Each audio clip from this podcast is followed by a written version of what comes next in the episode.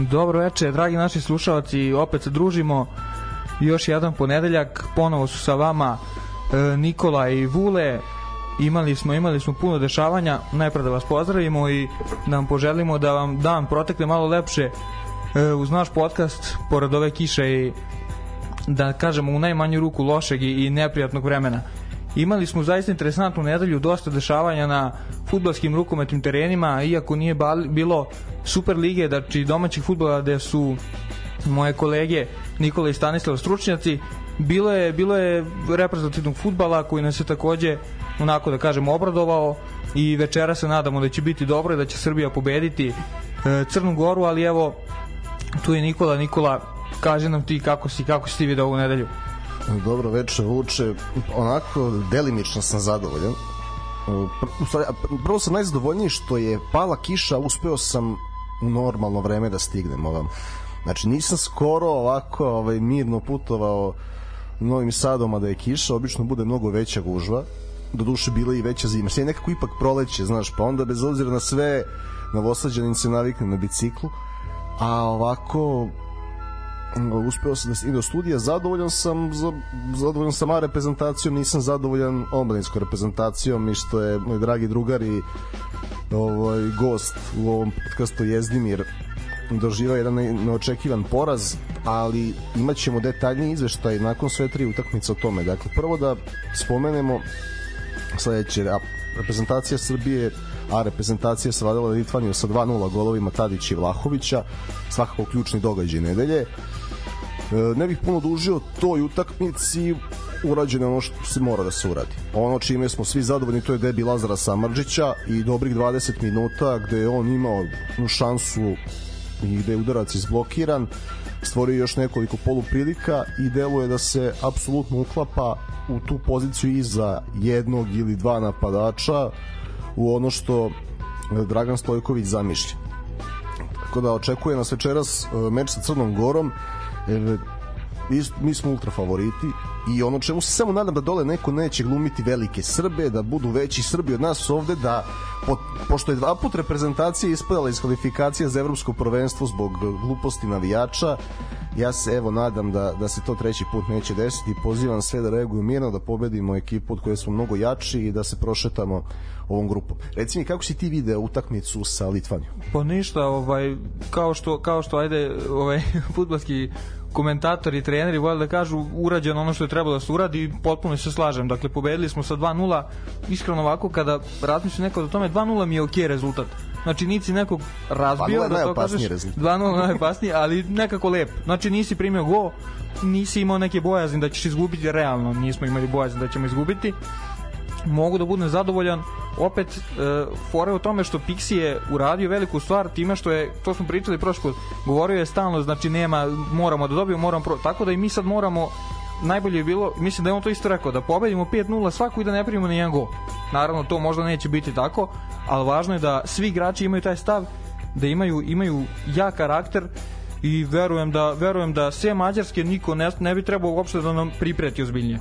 Sada ne budem preticiozno da kaže nećemo god da primimo ni od koga drugog, ali mislim da stvarno ovaj jedino protiv Mađarske smemo sebi da dozvolimo nerešeni ili slučajno neki poraz, ali mislim da mislim da je ovaj dobra grupa i što je mnogo važnije da mi imamo dobar tim pohvalio si to i to je isto važna stvar. Lazar Samarđić nadamo se i Bajčetić nadamo se i mnogim, mnogim drugim igračima koji, koji će se odlučiti za dres Orlova.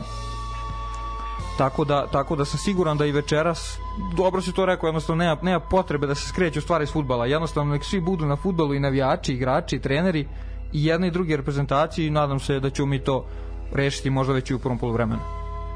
Tako je, na sve su to momci koji se druže međusobno zaslužuju obostrane aplauze i ne bih voleo da dole bude uh, bilo šta bez Pazi, veze. Da, da, da igra Vučinić, ja bi se bojao ovako, ovako je okej, okay. ili, ili Jovetić. Dobro, Joveta i dalje tu.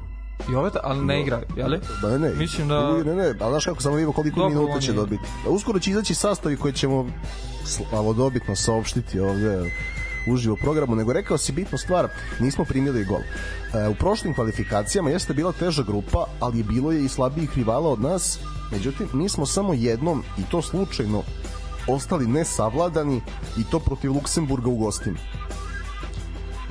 I Dobro, mene, nije, nije merodana utakmica. Ne, ne, ne, Mero, Da. ne, i mi smo primili golu i od Luksemburga u Beogradu i oba puta od Azerbejdžana. I u Ligi nacija smo u šest, koliko, od šest utakmica primili gol svaki put u Beogradu, a nismo primili dva puta na gostovanjima Švedskoj i Norveškoj. I ovo je, ovo je zapravo prvi put u Beogradu na zvaničnim utakmicama od kad je Dragan Stojković tu, odnosno u takmičarskim, da se ispravim, da nismo primili gol. Jeste Litvanija, ali vrlo bitno, meni je uopšte to što si rekao, ova grupa mi je da mi konačno postanemo tim e, koji može da drži nulu.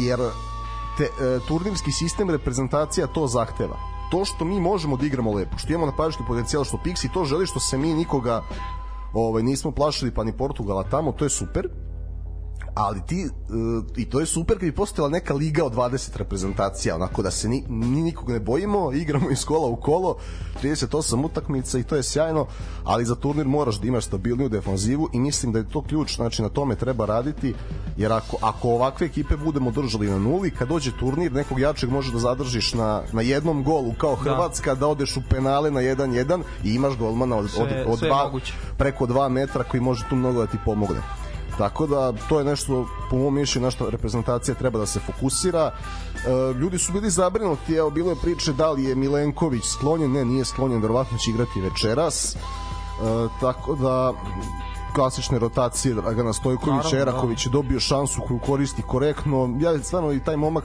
trpi određene kritike e, odnosno Zvezdan Terzić mu je nekim svojim izjavama stavio ga je pod bespotreban pritisak u svakom delu karijere i momak je korektno radio posao i treba da bude deo reprezentacije. Meni je, da, sad izvini što prekidam, ne, ne, meni- samo ovo zato što je bilo pitanje. E, Slušalac je postavio pitanje koje ćemo kasnije postavio pitanje i za gosta, ali i za nas. E, znači, ovako je, e, gostu ćemo kasnije pročitati pitanje što se nas tiče.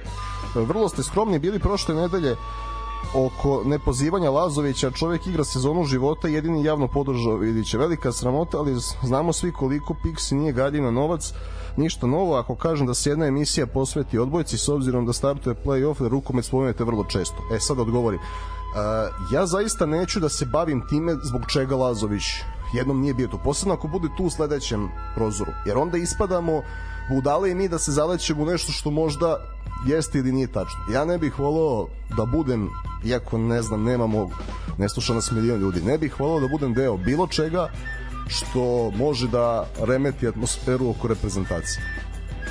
Jer mi smo, mi smo i hvalili Pixija za ono što je dobro i kritikovali na samom svetskom prvenstvu za ono što je loše i ja sam i ovde rekao, sedeli smo sva trojica da mi se ne sviđa što od, od onoga kakav eventualni plasman do ovoga, ne znam, nismo koji favoriti, to spuštanje lopte i promene u ponašanju, ali da li je, zašto Lazović nije pozvan jednom utakmice koje možemo da dobijemo i bez njega zaista ne znam. Darko, dugo, da li Darko igra sezonu života, imao i bolje sezone nedavno, igra i dalje dobro, potreba nam je, posebno na toj poziciji gde nemamo veliki fond igrača, ali da pravimo dramu za sada, a on možda već u junu bude tu, lično Nema Ne potrebe, nema potrebe za tim.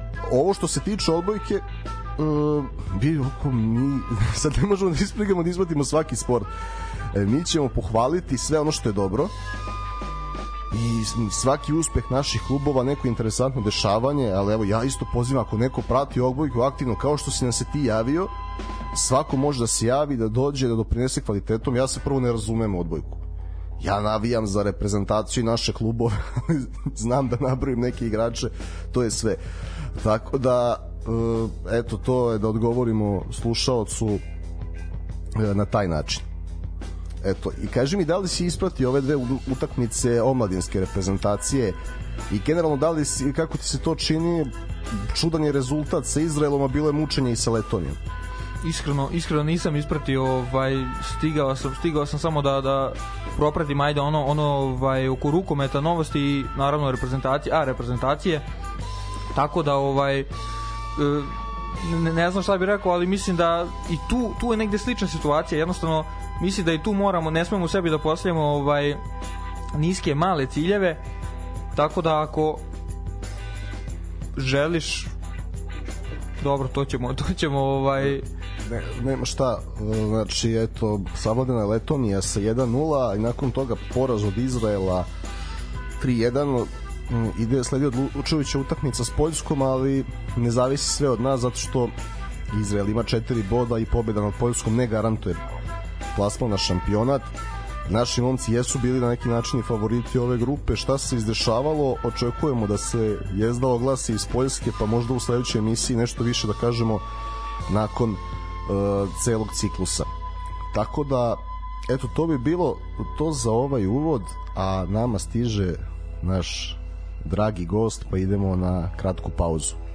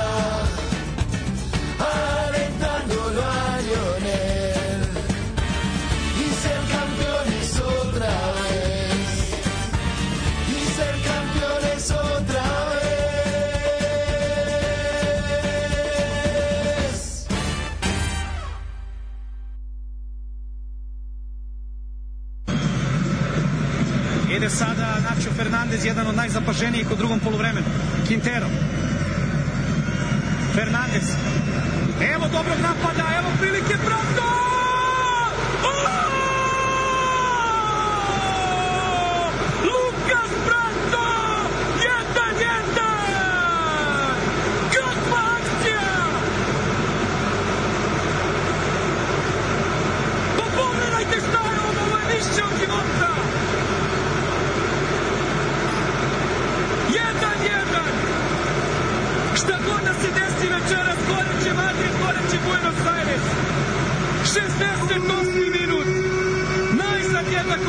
Akcija. Nacho Fernandez je proigrao. Sjajan pas iz prve. Lukas Bratko, drugi gol u finalu. Kakav pas Palaciosa.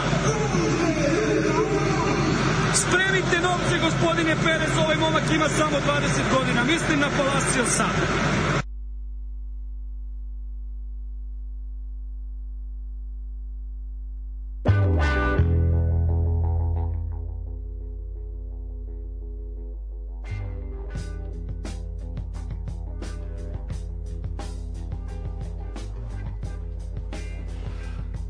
Čuli ste pesmu koja je obeležila kraj 2022. godine širom planete i glas našeg dragog gosta za one koji ga ne znaju, objektivno jedan od najboljih komentatora u Srbiji u protekloj deceniji, subjektivno najbolji i može da se ljuti na mene ko hoće. Sreten Rašković, prvi put u sportskom pozdravu. Sretene, dobroveče i dobro nam došao. Dobro veče, bolje vas našao. Hvala na pozivu i na tim divnim rečima. Biće oni koji će se ljute ovaj, i neki možda opravdano, ali dobar intro je napravljen. Sad sam se malo ja naježio tih dana kada se još malo više uživalo u poslu. Opa. Ove, eto, ovaj, znam ovaj, da, da nije aktualno, ali ja ovaj, zbog tebe ovaj, moram da se vratim malo na, na svetsko prvenstvo i na to ovaj, kako si doživeo uspeh Argentine s obzirom na taj pritisak da se znalo e, da je Mesijevo posljednje prvenstvo, da smo mi rano ispali i da je bilo logično da ćeš ti navijati za Argentinu, da si se nekako stopio s njima čak i u prenosu i kad radiš primeru, kad izgovaraš pre, španska prezimena stopio si se nekako i sa jezikom i sa izgovorom eto prvo malo o tome i kako si doživeo taj decembar. Pa baš e, do, dobra uvertira kako si rekao kada smo se pomirili sa tim da ne možemo opet pored Švajcarske e, Messi i Argentina su dobili onako jedno posebno mesto i misiju jer e, jednostavno ono što predstavlja njima futbal i šta on predstavlja u futbolu i koliko je poneo tereta na plećima koliko je bio u jednom trenutku izvikan od sunarodnika i svega sada je dobilo potpuni onako omaž. Meni lično to je bio baš onako drag moment jer futbalski, futbalski gledam na njih pa ne znam, eto, kao na, na drugu kuću u tom nekom smislu, iako će sad neko reći, ne znam, Dibo Martinez je radio ovo, znaju da budu onako dosta nekorektni i to ja smatram da je to samo iz toga kako su futbalski vaspitani, da im je pobeda sve. I u jednom trenutku kada oni pobede tamo je, to je zemlja od sad koliko 45, 6, 7 miliona stanovnika ako grešim da niko ne zameri tamo je sve stalo a opet dobar deo planete je bio uz njih jer brate, ako pričamo o futbolu, futbol je pobedio jer je Messi uzeo zlatnu boginju, mislim. Ima i oni koji smatraju da nije tako, ali opet ja sam u ovom timu tim Messi, to sam rekao onog prvog dana. Znači Dušan Tadić, Aleksandar Mitrović, pratimo sve to, za ne daj Bože, nadamo se najboljem ako krene nizbrdo, tim Messi. Ja sam sad ovaj da, da se ubacim na ovo, ja sam napravio neku onako na, na svoju ruku kratku anketu pre finala, sa tipa 10-15 ljudi ono različitih godina pola ono svega koji su, kada sam pitao za koga navijate Argentina, i rekao, zbog Mesija ili Argentine? Pa zbog Mesija. Niko nije, niko nije to navijao zbog Argentine, jednostavno svi su želeli da on osvoji, svi su bili svesni, jednostavno ako sad osvoji, dobiće, dobiće još na važnosti i sigurno jednu onu lestvicu više bliže e, ka tom, ajde go tu da tako kažemo, mada tu su tek mišljenja podeljena i svako, svako ima neko svoje, ali stvarno strašno prvenstvo i strašan Messi, strašan Messi. Pa možda je moja interpretacija bila takva da sam njemu dao više prostora, mislim naravno da on vuče, ali meni radeći komentar te lige od 2014 znajući kakav je futbol uz par fenomenalnih tekstova koje sam pročitao od nekih kolega s lica mesta koji su nam dočarali kako žive, šta su radili da bi kupili karte da budu tamo. Meni isto i Argentina i sa njim i bez njega to negde predstavlja neki futbal on imao i bolje saigrače od ovih, imao i kvalitetnije ekipe i uh, veće igrače, imao je svežeg Di Mariju i tako dalje. On jeste povukao futbalski, on pobedio najviše, ali ta zemlja ga je dala taj fenomenalni grad Rosario.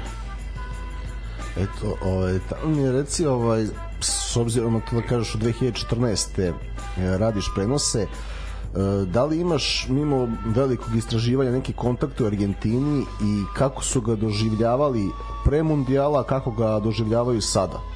I da li je se bar malo promenio procenat onih koji dalje smatraju da je Maradona veći, a da je Messi tamo neki dobar igrač? Direktni kontakti s ljudima koji mi onako dostavljaju informacije nije baš, ne postoji, ali Imao sam par uh, WhatsApp komunikacija sa novinarima redakcije Ole Di Airo koja je otprilike neka njihova najjača ispostava u Stick Sports recimo. Pored uh, toga što oni imaju svoje franšize Foxa i to televizijski ja pričam o portalima o velikim redakcijama. Sa par novinara recimo direktno s čovekom koji prati San Lorenzo i tako imao sam neku prepisku oko nekih stvari, ali po tekstovima kako su oni pisali i na Google Translate-u prevodeći, pošto još uvek nije savladan španski, prevodeći komentare dole neke tekstove, e, bila je velika srđba prema njemu u smislu šta je on sve dao Barceloni i evropskim navijačima nikako da se poklopi. Međutim veliki zaokret nije doneo samo mundijal već Copa Amerika tu je već nastao ogromni zaokret i e, možemo da podelimo starostnu strukturu da oni baš stariji sada eto ja sam punim 40 pa još stariji od mene oni su baš romantično zaljubljeni u Maradonu i tu se granica teško pomera. Ali srednje godine, znači moje generacije i mom, ljudi rođeni 70-ih u Argentini više nemaju granicu. Dakle, to su dva boga za njih i niko neće više da se usudi Diego je jedan pa onda nego sada posle svega što je viđeno posle svega što je urađeno uh, Lionel Messi je na nečoj polici statua iste vrednosti iste veličine iste boje istog plemenitog metala na istom mestu, jedno pored drugog. Dakle, imaju iste počasti. E sada, baš da, da vam pričamo o procentima, kako to izgleda, nisam siguran. Oni stari su i dalje romantični prema Diegu i, i zbog svega što je predstavljao, jer ajde sada da podelimo ovako, e, zlatne lopte, titule, Messi je futbal, a Maradona u jednom trenutku bio i pokret. Dakle, bio je čovek koji je pokazao slabosti, poroke, sve i mog, mog, mnogi su mogli da se poistovete sa njim. Ne možeš ti da se poistovetiš sa Mesijem, ne u smislu da je on nepristupačan, nego on je bog igre. Bio i Diego u svoje vreme, ali je činio nešto da priča o uh, Foklandskim ostravima, da priča o Castru, da priča o svemu. Messi je teren i na terenu je bog to je to. E, međutim, Argentinci sada kako vreme prolazi, znaju šta im predstavlja futbol, u kojim vremenima žive, kako, koliko ovo njima zaleči dušu, njih dvojica su sada tu negde, za veći deo nacije. Eto, ali mis, iskreno mislim da m, kako evo ti ih bolje poznaješ čak i da su, znaš ako turnir je nekad stvar i sreće i nije veliki broj utakmica E, mogli su oni da prolaze dalje u teoriji da on nije igrao dobro, da ih samo Dibu vadi da ne nadigraju protivnika, da ode daleko, pa da, da uspeh i mislim da bi onda bilo pa da, evo, oni su tu, a on nije igrao ništa. Mislim, bukvalno da je bio, da je on morao da rešava i rešio je i da, eto, malo nije rešio u samom produžetku golom, ali eto, bio još jedan opravdano dosuđen penal. I ovaj, da nije igrao dobro bez obzira na trofej ne bi to bilo tako ali on je odigrao dobro i tu kopu koju si pomenuo koja dobija smisao što je pobeđen Brazil u Brazilu e, iako je njima oduze domaći teren Znaš, znamo da su trebali da podele domaćinstvo s Kolumbijom.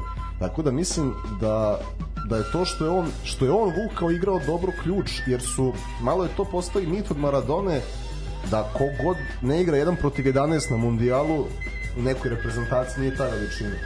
I ono kad su, zašto ljudi vole James Rodriguez, zato što je neke takve partije imao sa Kolumbijom. I pošto računali su neke statistike kao koji igrači su imali najveći individualni utice pre ovog mundiala u Kataru, najveći individualni utice na reprezentaciju, jedan Maradona, dva James Rodriguez. Messi je bio jako daleko. E sad se on u najgorem slučaju podigao na mesto broj 2.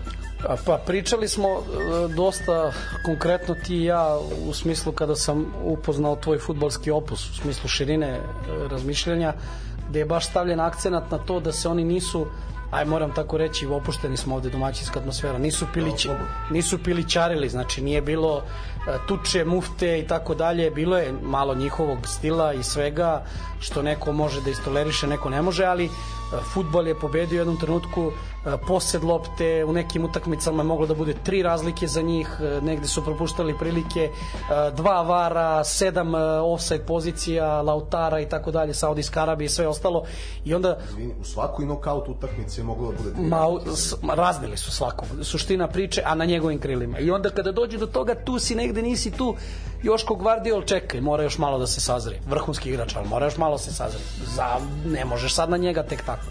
I s te strane potpuno si u pravu, e, Diego je postavljen kao mitsko biće i on je romantizovan i nikada nećemo moći da povučemo direktnu paralelu kao što već sada, evo da mene niko ne, pogrešno ne shvati, ja nemam uh, kao neko rođen 1983. godine ko bi trebao da živi od YouTube snimaka, YouTube snimaka ja nemam imam strahopoštovanje, ali nemam u isto vreme subjektivno neku privlačnost kao onome što predstavlja Pele To je zaboravljeno vreme. I onda u tom smislu, naravno da Messi treba da nadživi ono što je uradio Diego, ne da ga potisne, nego futbal je evoluirao do te mere da taktički vrlo malo se šta prepušta slučaju, e, drugo e, fizičke sposobnosti, brzina, ti sada kada pustiš kada pustiš snimak nekih utakmica iz tih vremena, ti pomisliš Brazilova titula jedna, kako ide ona lopta, pa dodaju se, to deluje malo kao da je lakši trening nekih igrača, jer tu ima ono stani odmeri pogledaj, nema ovde stani odmeri pogledaj, znači i čak ne pričam o tome da će neko da te pokupi da te polomi, ne, nego se igra toliko čisto da ti gubiš loptu uz faul koji nije za žuti karton i tako dalje. Tako da ne da se izjednačio sa Hamesom i, i, i sa ostalima, nego ja mislim da je baš, baš, baš ovaj, sebe zacementirao ja sam opet malo tu kako sam rastao, valjda kad rasteš i onda kad gledaš dečački na neke stvari, u neke ljude se zaljubiš sportski i tako dalje, pa onda ja to ne mogu da kažem, ali za mene ne postoji debata da li on od ovoga što smo gledali od aktivnih broj 1 ili nije. On je svakako broj 1. Ni za mene ne postoji ne znam za Vuka. Dobro, ja jedan deo mene mora mora malo da navija ovaj za Ronalda zato što sam navijač Manchestera vatreni i to sam počeo da navijam kada je on bio na vrhuncu to jest na vrhuncu kada je ajde bio neka 2006 7 8 kada je on bio na vrhuncu u Manchesteru tako da jedan, jedan ajde 10% sam za, za Ronalda ali sigurno da je Messi bez, bez ikakve priče trenutno veći od, veći od Ronalda pa ima tu mnogo stvari ima tu mnogo stvari gde može da se debatuje zašto, nego ja kažem ne stavljam ja ovog odmah u mrak, nego Za mene su mnogo jaki momenti Cristiana Ronalda gde je on ušao nebitno ko su bili saigrači, on je ušao u najveće slačionice na svetu i postao broj 1. Ne ulazimo u egomaniju u ovo ono, nego ulazimo u to da je e, radnim navikama prvo svakog ostavio bez reči, a onda posle i delima na terenu. Ali ja kad, evo, evo, ovo hoću kažem, e, ja neki momak igram u futbal u kraju, šta je za mene esencija futbala, u Tesli smo u srednjoj školi, opština Savski venac, Messi, Ronaldo, ja prvi biram, uvek je Messi. Sad ne ono kao to mi je draže, nego tebe hoću, hoću s tom da igram, hoću da mi ti praviš razliku i tako dalje. E sad to nije nikakav reper. Pa, nije... Nego evo sad kad je rekao samo Vuk, ovaj, izvinjam se, gde si bio onog crnog dana u martu kad si već navijač Manchester Uniteda? Kako Na 7-0.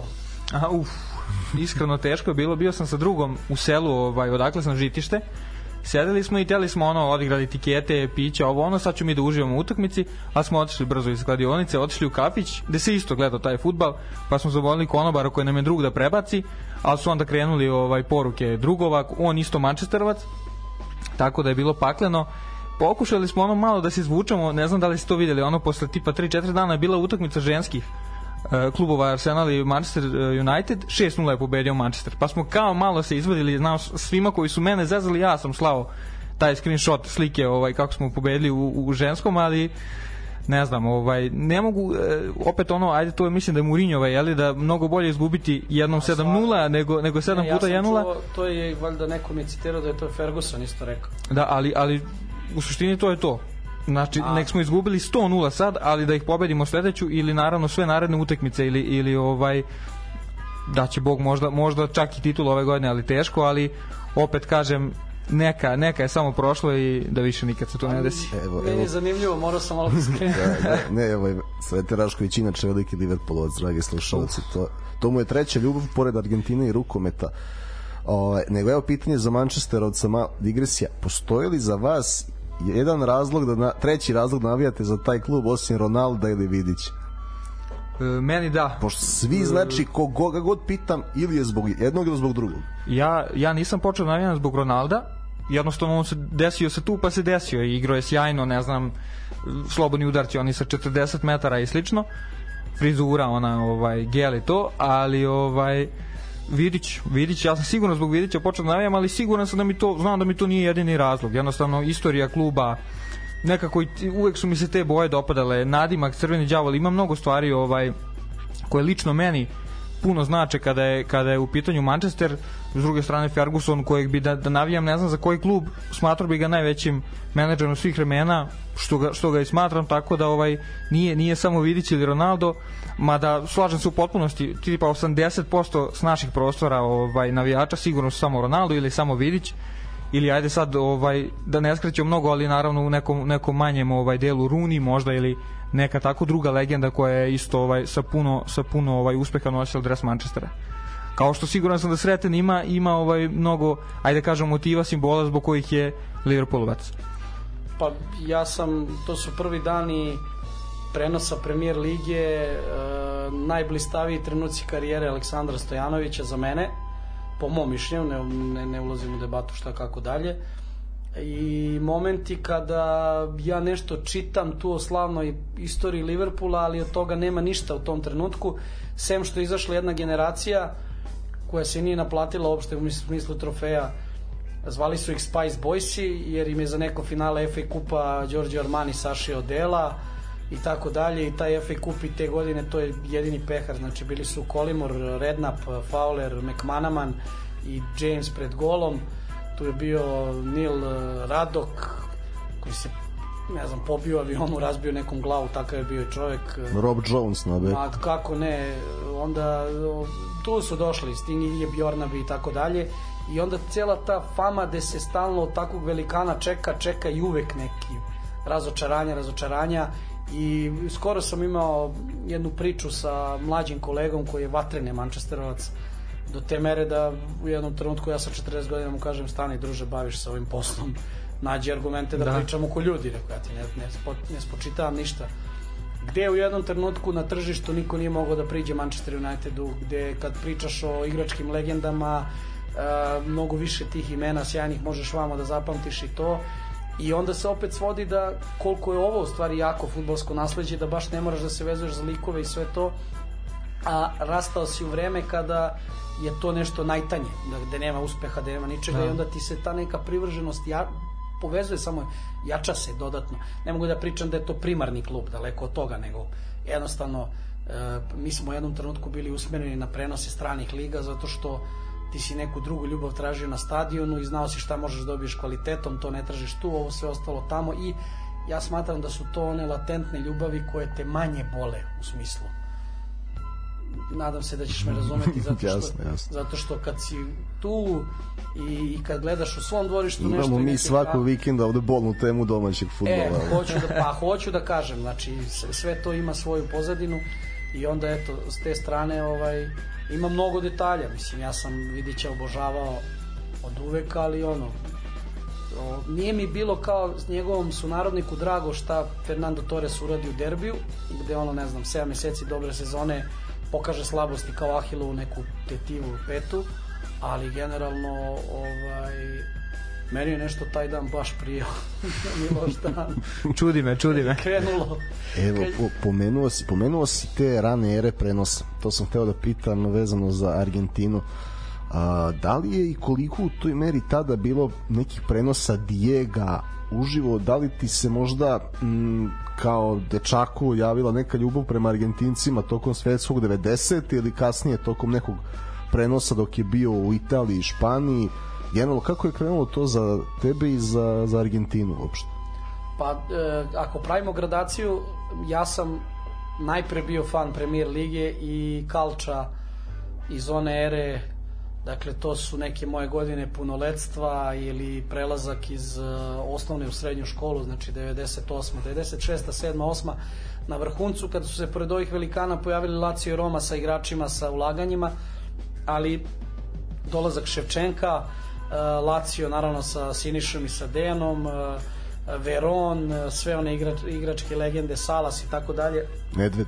Ne, imaš taktički futbal, i imaš sav kvalitet. E onda taj žar i taj folklor koji donosi Premier Liga kako se rade ti prenosi i način kako su ti navijači buči, znači oni nisu ni aj sad kažemo, najglasniji, ni najoriginalniji, ni ovo, ali ta, to je futbalski folklor koji traje više od veka u tom trenutku. I onda jedno s drugim se poklopilo, ali uh, Argentina, moj prvi kontakt Diego Maradona, nažalost, taj mundijal 94.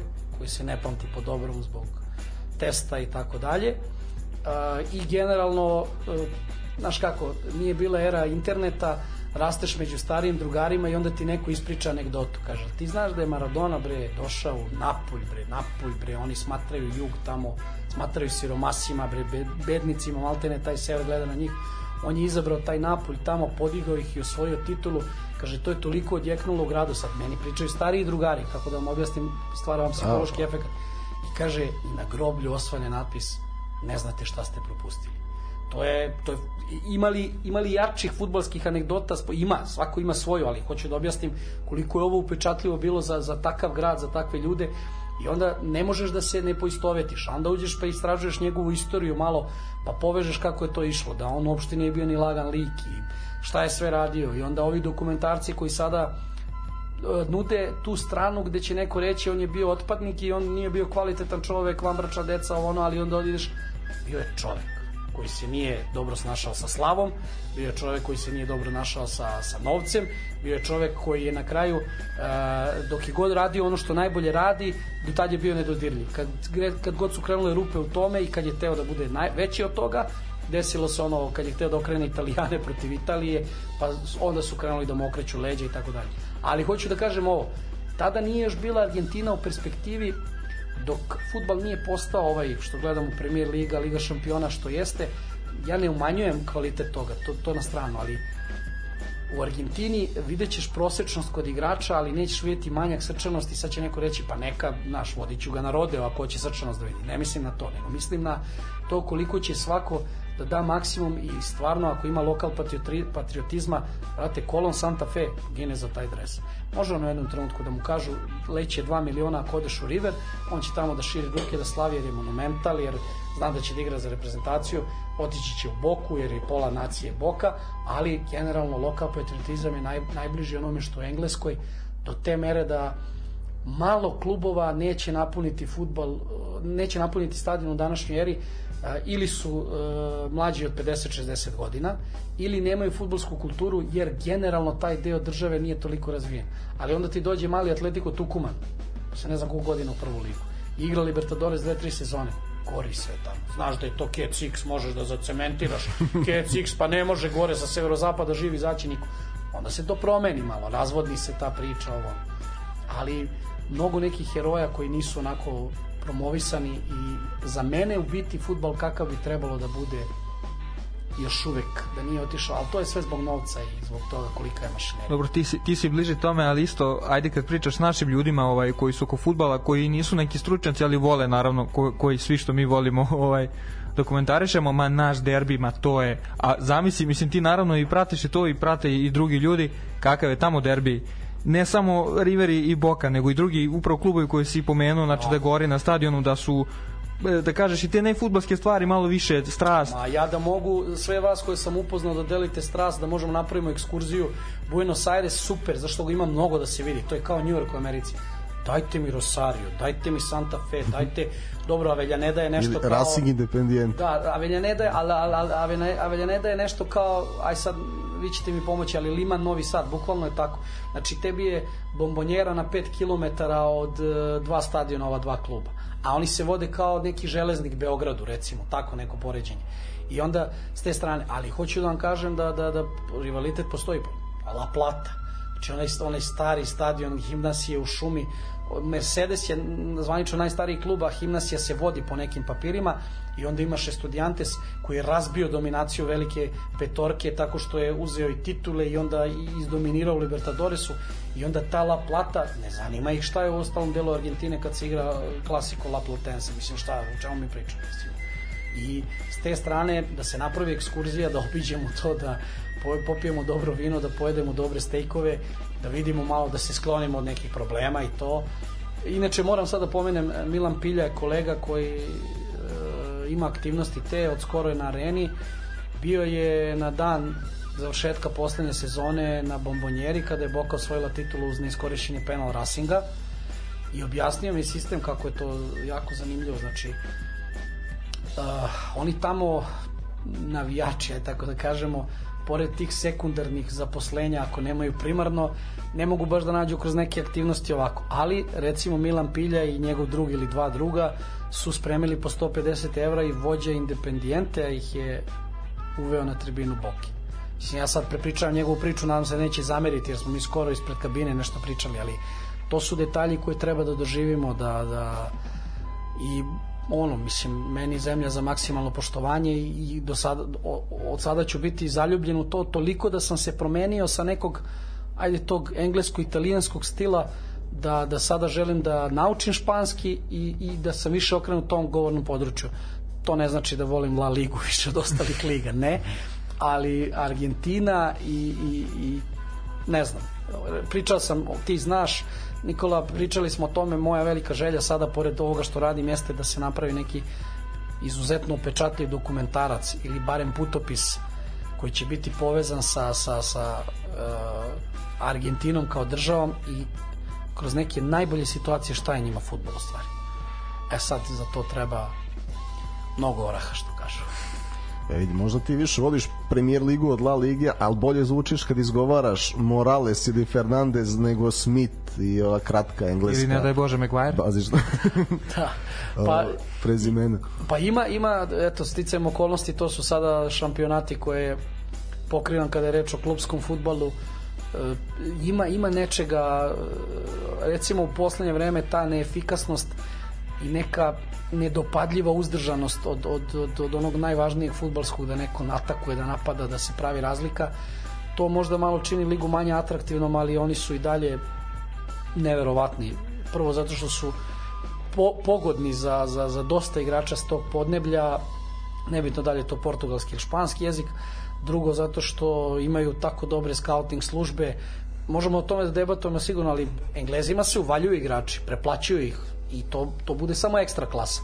Ali dosta njih dođe ovako dok se ne razvije, dok ovo, dok ono, ovi imaju scouting službu i to dođe dobro, lakše se navikne s jezikom, sve ne propadne i onda on 10 puta više vredi, 5 puta više i tako dalje.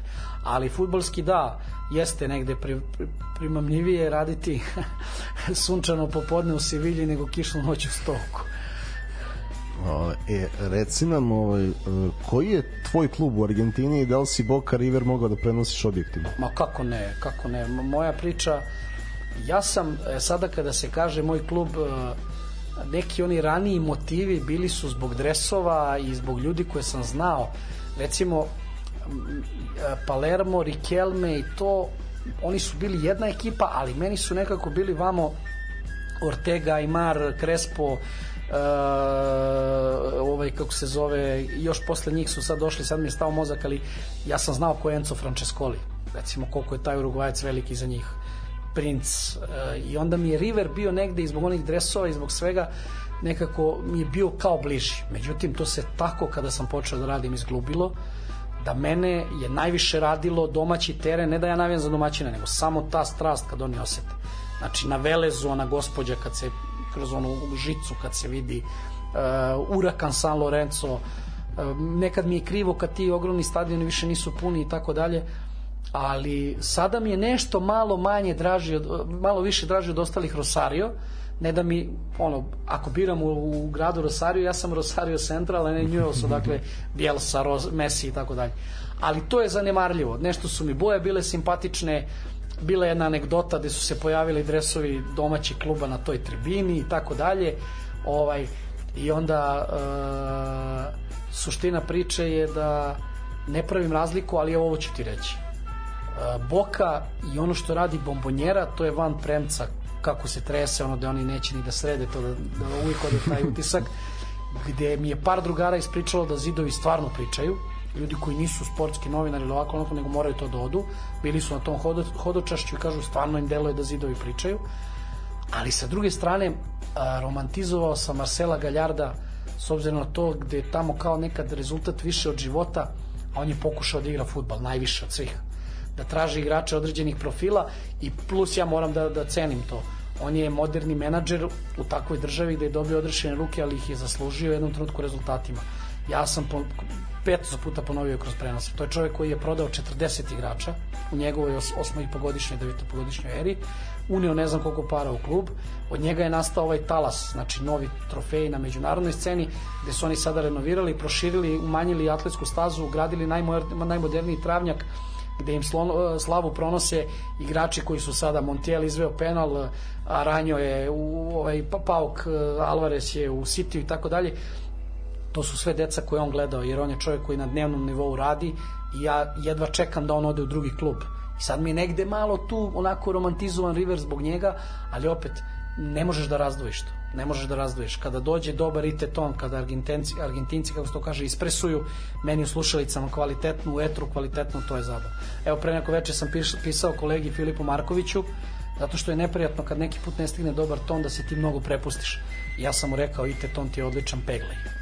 I ja kod kuće dugo nisam u nečemu uživao, da se razumem, užasna utakmica. Milosov Boys, San Lorenzo. Ali to nije ono što tamo tražiš. Tamo tražiš jednog kog će da prodaš, dobar potencijal, ti da ga vidiš. Ne ja, nisam ja scout i ne radim, ali to da vidiš i moment kad su oni slomili njihov otpor u 70. kad sve gori. A do tada isto gori. Znači da je to onaj lagani kao ritam navijenja pa se uključi sporadično pa krene, ali to su meni momenti trenutno. Neko će reći daj druže šta ovaj priča, to je. I ja sam kroz prenose na areni preko društvenih mreža gde me više nema, s razlogom, upoznao jednu grupu ljudi, eto, ne mogu da kažem koliko to se grana, ali grupa ljudi koja je verna tome i deli moje mišljenje da je to u biti futbal. Ne sad da ja osporavam koliko je ovo napredno, nego hoću da kažem što se tiče nekih emocija i momenata i neke predanosti na terenu, ne mogu ja da umanjim da se ne sekira neki igrač Bajerna zbog poraza i tako dalje, ali mnogo je utakmica u sezoni i mnogo to postaje mehanika, pa neko hoće svede na igru, a milijarde su u pogonu i tako. Znači, mi imamo veliku razliku, nivo Lige šampiona odnosno Ligu Evrope, to je nepojmljivo. Naravno, I onda da. kad pričamo o ligama petice i ostalom, to je futbal koji ti hoćeš da gledaš zbog kvaliteta i svi idu tamo. Ne mogu ja sad da prodajem priču ako me razumete šta hoću da vam kažem. To ne može da se poredi organsko, neprskano i kao ovo je vrhunsko nabuđeno, nije to tako. Nije to Argentina i Premier Liga, nego. Ja samo pričam o mnogo drugih stvari koje mene ispunjavaju i tu sam se pronašao i to mi inficiralo počeo od tog leta 2014. Ne od pa da, leta 2014. kroz Sudamerikanu, a onda od februara 2015. Kroz, kroz Argentinsku ligu. Da li je to sadržaj koji si tražio ili sadržaj koji si eto dobio? Ne, pa si to je, stopio? e, možemo sve ovde, e, Ivan Radulović je tada odlučivao o tome i negde ti po stažu ide kada si mlad. Ja jesam pre toga radio 4,5 godine rukomet, ali samo rukomet komentarisao i onda su me uključili na futbal, e, dobio sam tada, pa nije me sramota da kažem, nažalost je automobilizam, popunjavao sam rupe na borilačkim sportovima, pa ne, ne omalovažavam ja tu veštinu, to su majstori i ti ljudi su i verna publika, ogromna publika, ali ja ne uživam, ja nemam položeno, Da, da. ja, ja, ja vidim, ja sam, ja sam sportski inteligentan toliko da ja mogu da osetim da je to bilo majstorstvo i da se ja upalim kad oni voze. Ali zakoni fizike, toliko pravila, mehanika, da bi to preneo kao recimo argentinski futbol mora da me inficira skroz. I onda nije tako bilo. Ali te, to, to, tako je krenuo moj put, slučajno, jer sam dobio Sud Amerikanu. I šta se dešava? Dešava se da su sticajem okolnosti River i Boca u Sudamerikanu. I ja dobijem neko drugo kolo, treće kolo i namešta se, ili to je već treće kolo četvrt finale, namešta se da igraju River i Boca i naravno kako je čovjek od reči Ivan Radulović, ja kažem odigram šahovsku partiju jer oni meni daju i sad oni kao kontrolišu jer nisu me slušali na futbalu i dižu palas, daju zeleno svetlo, sugerišu i tako dalje, jer to je opet neko novo iskustvo. To što sam četiri i po godine radio rukomet ne znači da sam ja upao bez treme i pritiska na futbal. I ja kažem Ivanu, e, znaš, crta se da će možda River Boca u četvrtfinalu, pošto evo ovo Sudamerikana, rekli ste da guram, ok, ali to moje ako prođe? Tvoje, ajde. I tako je krenulo. I ja sam imao sreću, ja sam imao sreću da jedno od najplodonosnijih, odnosno jedan od najplodonosnijih perioda njihovog rivalstva bude na međunarodnoj sceni i da su prava kupljena kod arene. Jer oni su posle toga odigrali epske duele. Tu, ta Sudamerikana a, je donela onaj suzavac kada je ubačen u tunel. Pa je onda bio jedan Libertadores finale, pa je bio još jedan, pa je bilo još mečeva, pa su igrali neke fenomenalne super klasiku duele u prvenstvu kada je Tevez utišao Monumental onih 4-2, kada je Ricardo Centurion ono večiti talenat, ali dečko sa problemom u glavi. Ono, to je ono krava koja daj, daj i onda prospe ono. Mislim, nebitno čovjek s pištoljem vitla iz kola, a pre toga odigra savršen derbi neki. Nebitno za koga igra u datom Dobro, evo i Jamorant Fitla pištolj. Da, a Jamorant, a vidi, sad imam drugare koji su ušli u tematiku, u stvari brat mi je pričao, njega ismevaju sada u Americi zato što je on kao iz 8 Mile, ako znate, e, rap Eminem, kad proziva u onom finalnom betlu kad proziva ovo kaže ti si kao ti me prozivaš a srednje ime ti je Clarence e to je Ja Morant on je, on je afroamerikanac iz dobrostojeće porodice koji nema veze sa hudom, sa getom, sa tim To je kolega Avdić i pričao sa Milošem u e, šestoj lični. Šta, e, i- šta radiš? I, to, i, priča, I priča je bila da, da, da je on izmišljeni kriminalac i sad plaća cenu toga. A Ricky Centurion je malo drugačiji zato što je svašta imao u svom pedigreu, a bio je strašan. On je trebalo da bude ta neka nova zvezda. I onda, da završim priču, krenuli su ti dueli i meni se otvorilo to na Argentinu, ali ja sam već tada video da je to to. To je za mene, zato što ja mogu kolokvijalno malo da se ponesem. Ja mogu, ne znam, ja mogu sebi da dopustim kad me ponese moment i to nije navijački uh, Wolverhampton Liverpool recimo i sad ti imaš uh, slabosti u igri gde ti Wolverhampton dao dva gola za 15 minuta ali ti imaš posed, vraćaš se. Međutim Darwin Nunez kao loš rukometni bek. 0 od 3, 0 od 4 i u jednom trenutku mi se odme rečenica ko- koje planete treba da se poklope da Darwin Nunez da gol? E sad to ne ide stalno. I na premier ligi ti treba pokažeš strast, praćenje to, ali znaš, kad mnogo to nekako zna da izazove, ne kažem da je to pravilo, ali u Argentini tako nešto ti daje slobodu jer to jeste to. Ne kažem ja da Argentinci vole više od Engleza futbal, ne mogu to nikada da tvrdim, ali ekspresija njihova svega i to jeste to. Ti ljudi su, Lukas Prato, izvini, znači čovjek koji dobije nadimak Medved zbog svoje građe, koji ne prođe u Brazilu kako treba, on je besmrtan u istoriji River Plate. Ta rečenica, ta rečenica koju si rekao je prihvatljivija za argentinski futbol nego za, nego za Pa, možda prenos Premier Lige, da. Hoću, hoću da povučem paralelu kada tebe povuče neka umetnička sloboda, to je isto tanak led, teritorija nepoznata, zato što ne mogu kažem sad da ja optužim nekome ko nije legao moja kret, nije legala moja kreatinost da je on frigidan, ne brate, nego on samo zna šta hoće od mene.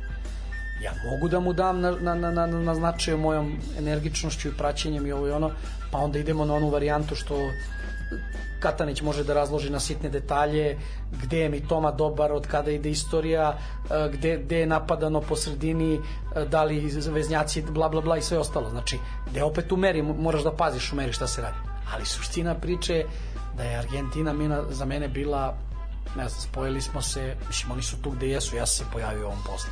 I mogu samo budem zahvalan svemiru, zvezdama, urednicima, areni, U tvom slučaju planete su se poklopile. Jesu, Kod Nunjeza jesu, ne, ali kod tebe da. Jesu, eto, tako i mogu da budem zahvalan koliko je super klasiko duela i to mi je eto negde trasiralo neki put da budem nešto malo poznatiji, iako niti sam počeo da se bavim ovim poslom, niti težim da budem poznatiji, nekad to da podsticaj, ne mogu da budem lažno skroman sad, nekad da podsticaj kad ti stigne poruka, čak i kad je kritički, ali uglavnom su one dobre, zato što se ljudi poistovete, žele i da rade posao ovaj, e, žele i da gledaju taj sadržaj, ali meni se baš otvorilo.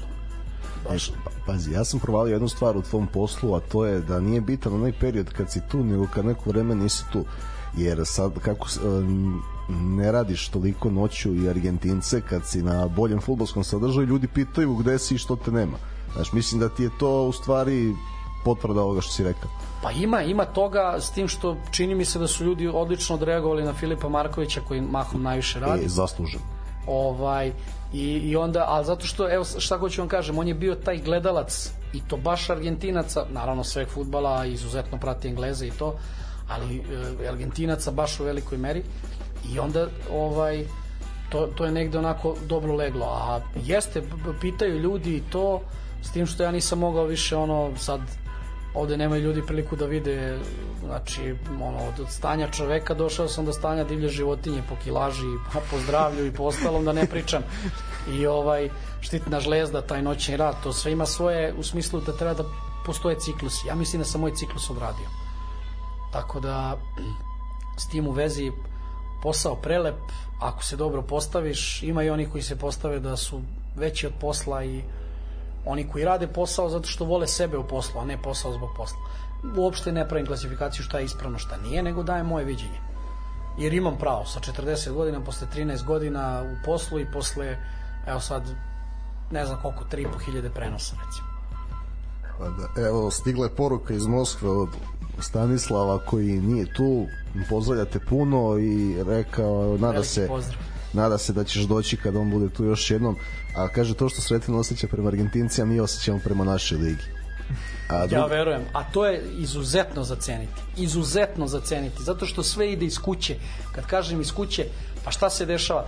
Želja iz Bare Venecije, naravno, nažalost, rasturen stadion, to ja ne znam da li je klub najče. To je bio naš klub sa Sava Male, šta ige dole. Znači, prođe se, ovaj, e, može dole se siđe na reku, pa o, preko puta sajmišta taj deo ispod Brankov, pa ideš tu peške pa nađeš na stadion s te strane ili ideš vamo, kako se zove, kod e, petlje Mostarske i tu, pa taj deo tu, moglo si da vidiš stadion. I sad ja gledam to i drugo kad sam se trenirao rukomet u Sinđiliću, voleo sam da dođem i na Sinđu da gledam futbol. Ili ako ne treniram ili ako igra starije godište, dođem da gledam rukomet. Znači sve ide iz svoje kuće. Neko, I ovi naši što nose dres su morali krenu iz svoje kuće, znači negde. Ne mogu ja sad da veličam, to je ono inficiranost. Sve to lepo. Ti voliš Manchester, ja volim Liverpool, ti voliš Liverpool, tako dalje, nebitno. Ali hoću da kažem, zna se šta ide iz kuće. I, i ono kada si rekao za derbi, ovo samo hoću da kažem, a, super je to, koliko gori. A, Kazablanka, tamo derbi, ludilo. Turska derbi, ludilo. Ova podela veroispovesti Glasgow, ludilo. To sam sad Sve da upravo. Ali sad ću isto da vam kažem, bili ste sigurno na stadionu.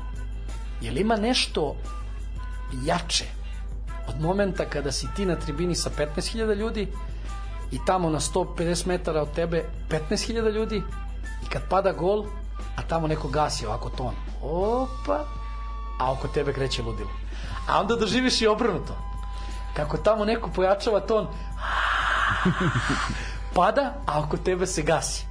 To mora da doživi neko da bi znao u svojoj kući ne mogu ja da rastem u e, porodici muzičara, violina i sve i da onda gorim Buenos Airesu. Ne vređam sad struku i pričam o profilu ljudi. Ne, pričam, vidi, nije, e, nije ovo, vidi, ja ne znam Naravno. kojim si podcastima gostu, ovdje ne moraš nikom da Ne, se ovo hoću, ti je najbolje. ne, ne, ali hoću samo da vučem paralelu. Hoću da kažem, ne može mene da inficira nešto što nisam doživeo na svom nivou, lokalnom nivou, to me priča. Dakle, lokalni nivo, to je suština priče. Moramo mi da prođemo svoje, da imamo svoje da bi nešto bilo.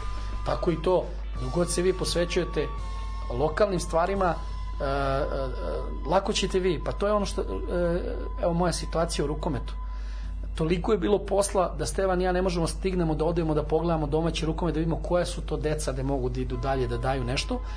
I onda hvataš to naknadno kad on dođe na međunarodnu scenu. A ja znam kad je piškio, kakio, Sander Sagosen, Harald Reinkin, koliko dece, s kim je Rune Damki u vezi, ovo ono, razumeš me? A prolazi ti ispod radara Šotić, ovaj, onaj, kad je Da. otišao preko i tako dalje. To je to je e, loša strana hiperprodukcije, da ne odem u pogrešnu stranu.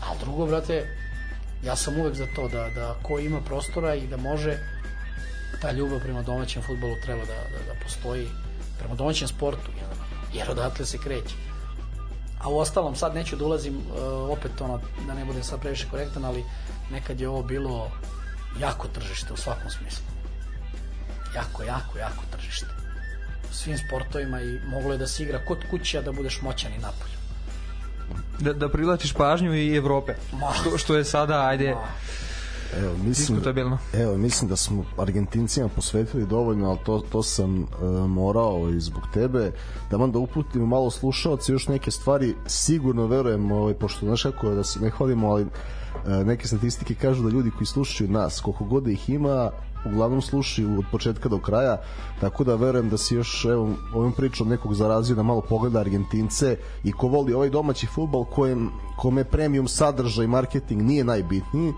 da će pogledati malo i o čemu se tu radi.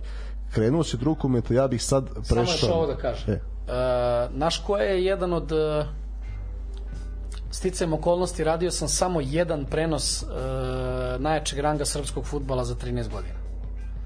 To je bilo e, sad ja sam malo pogubio koji mesec to je bilo ove polusezone jesenje Spartak Subotica Javor Matis to mi je jedan od četiri najbolja prenosa u sezoni 2-1, 3-2 kraj molim lepo. spektakl.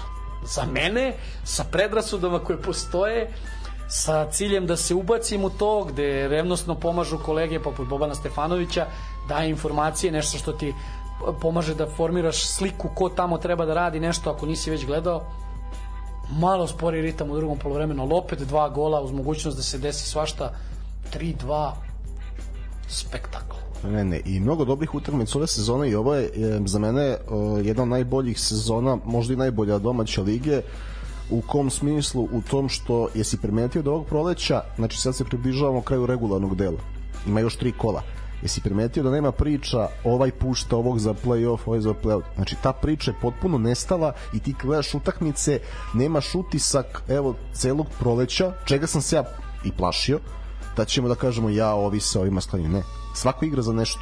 I ako izuzmeš zvezdu koja je pobegla, a i to će se nevelisati kroz godine, imaš borbu za Evropu, imaš borbu za play-off, imaš borbu za 12. mesto da pobegneš od baraža, imaš borbu za baraž da, da ne bi ispao i imaćeš i play-off i play-out u većini utakmica na nož. I ako je sve ekipe zadržao ovaj nivo do kraja, možemo da kažemo da smo imali šta god ko mislio, najregularniju sezonu domaćeg prvenstva u poslednjih x godina i najtakmičarskiju gde su ekipe zadržale nivo fizičke spreme na nivou sezone. E, pomenuo se Bobana, njega bih i kolegu Radoča pohvalio dva čoveka koji se istim žarom rade i domaću ligu i premier ligu, a ima ih. To, to je za, za pohvalu i poštovanje da nema otaljavanja posla. Ne, ne, nema tu greške. Maksimalna priprema plus to je teritorija baš koja je Bobanu bliska, tako su ga i klasifikovali od prvog dana jer jeste, on je neko ko je na svom lokalu, na lokalu Beograda pogledao mnogo utakmica, drugo od žurnala se ne odvaja, to mu je ono obavezna literatura dnevna i šta god ljudi pričali, svi mi imamo mane, nedostatke, stereotipi vređanja i tako dalje. Ja smatram da e, ovo ne pričam upereno protiv drugih, nego pričam za svoju kuću. Za kolektiv koji je na Reni Sport generalno je dobro potkovan. E sad, neću ja da pričam o tome da delimo sve sfere, sve ligije, lapsuse, prezimena, kako su Englezi krenuli to. Ja pričam o onome što je bilo godinama i to kako se gleda na futbol i ostalo. E sad, ima loših podela, ima svega, ima ali to su već neke druge priče, to možemo posle gajbe piva u nekom selu. Kad ne, nema idemo, mikrofona i tako. Idemo, idemo na rukomet, idemo na rukomet, pošto je Partizan uh, pre par minuta dobio. završio, dobio Tatran prešao 36-35, ali eto, nedovoljno. Dobro, igrao sam minus, lepo sam pogodio. lepo sam ovaj, pogodio. Evo, ovaj, nedovoljno ipak zbog gol razlike Partizan je tu na trećem mestu, a i u da kažemo malom derbiju Arkos Lige Metaloplastika je slavila u Pančevu 26-21. Arsić je imao 12 odbrana na poluvremenu. Ovaj, Opet. Strašan Imao je 12, polu, 12 odbrana na poluvremenu, ne znam za kraj. Uh, Nenad Kraljevski je čovjek koji je imao dobre rezultate sa nekoliko klubova i Dinamo je krenuo jako dobro. Međutim, sada se to malo, što mi je jako krivo, jer sada je jako teško naći zdravu sredinu. Kad kažem zdravu, ne mislim ja na ljude da loše vode, nego generalno za interesovanje i protok novca i prisustvo ozbiljnih ljudi nije u rukometu takva. Potrebno je mnogo stvari da se poklope, a od atmosfere, budžeta, dobrog trenera, talentovnih Jest. igrača, x, x stvari utiče na to i što da kažeš, u potpuno se slažem, žao mi je što eto Dinamo ovaj nije još, još nekog iznenadio, to na primjer plastiku, iznenadili pa, su Vojvodinu. Oni jesu za top 4 i oni su imali veću ambiciju, oni su možda gađali da budu broj 2, jer su u prvom delu sezone u stvari jedini tim koji je uzeo Vojvodini bodove dobili da. su ih. Ali mislim da Vojvodina se zaletela. Zaleteli su se, uh, Boris Rojević je svoj na svome, uh, gađa igrače koji mu profilno odgovaraju, sada može i da rotira što pokazuje jer on sad igra i Seha ligu, ok, poslali su klince na dve, tri utakmice koji su koji su pružili tim. strašan otpor. Pričao da, sam da. s tim momcima, jednostavno da, ono da, da, da. I tu sam slavno prošao, igrao sam H1 misleći da će malo da ih pojede atmosfera, da će ovi da zapnu to isto. Kao bos po trnju, malo i to da se osvrnemo sad kad smo ovde domaćinski. Ali suština priče nisam igrao protiv srpskog tima, nego sam igrao na svoj osjećaj. To je, ovaj, deco, ne idite u kladionicu, to mogu da vam kažem toliko. Iako teško ćete izbeći sada po broju ovaj, kladioničarskih lokala u Srbiji, apoteke, pljeskare, plje, ove ćevabđenice i apoteke, banke, ćevabđenice i kladionice, to je to.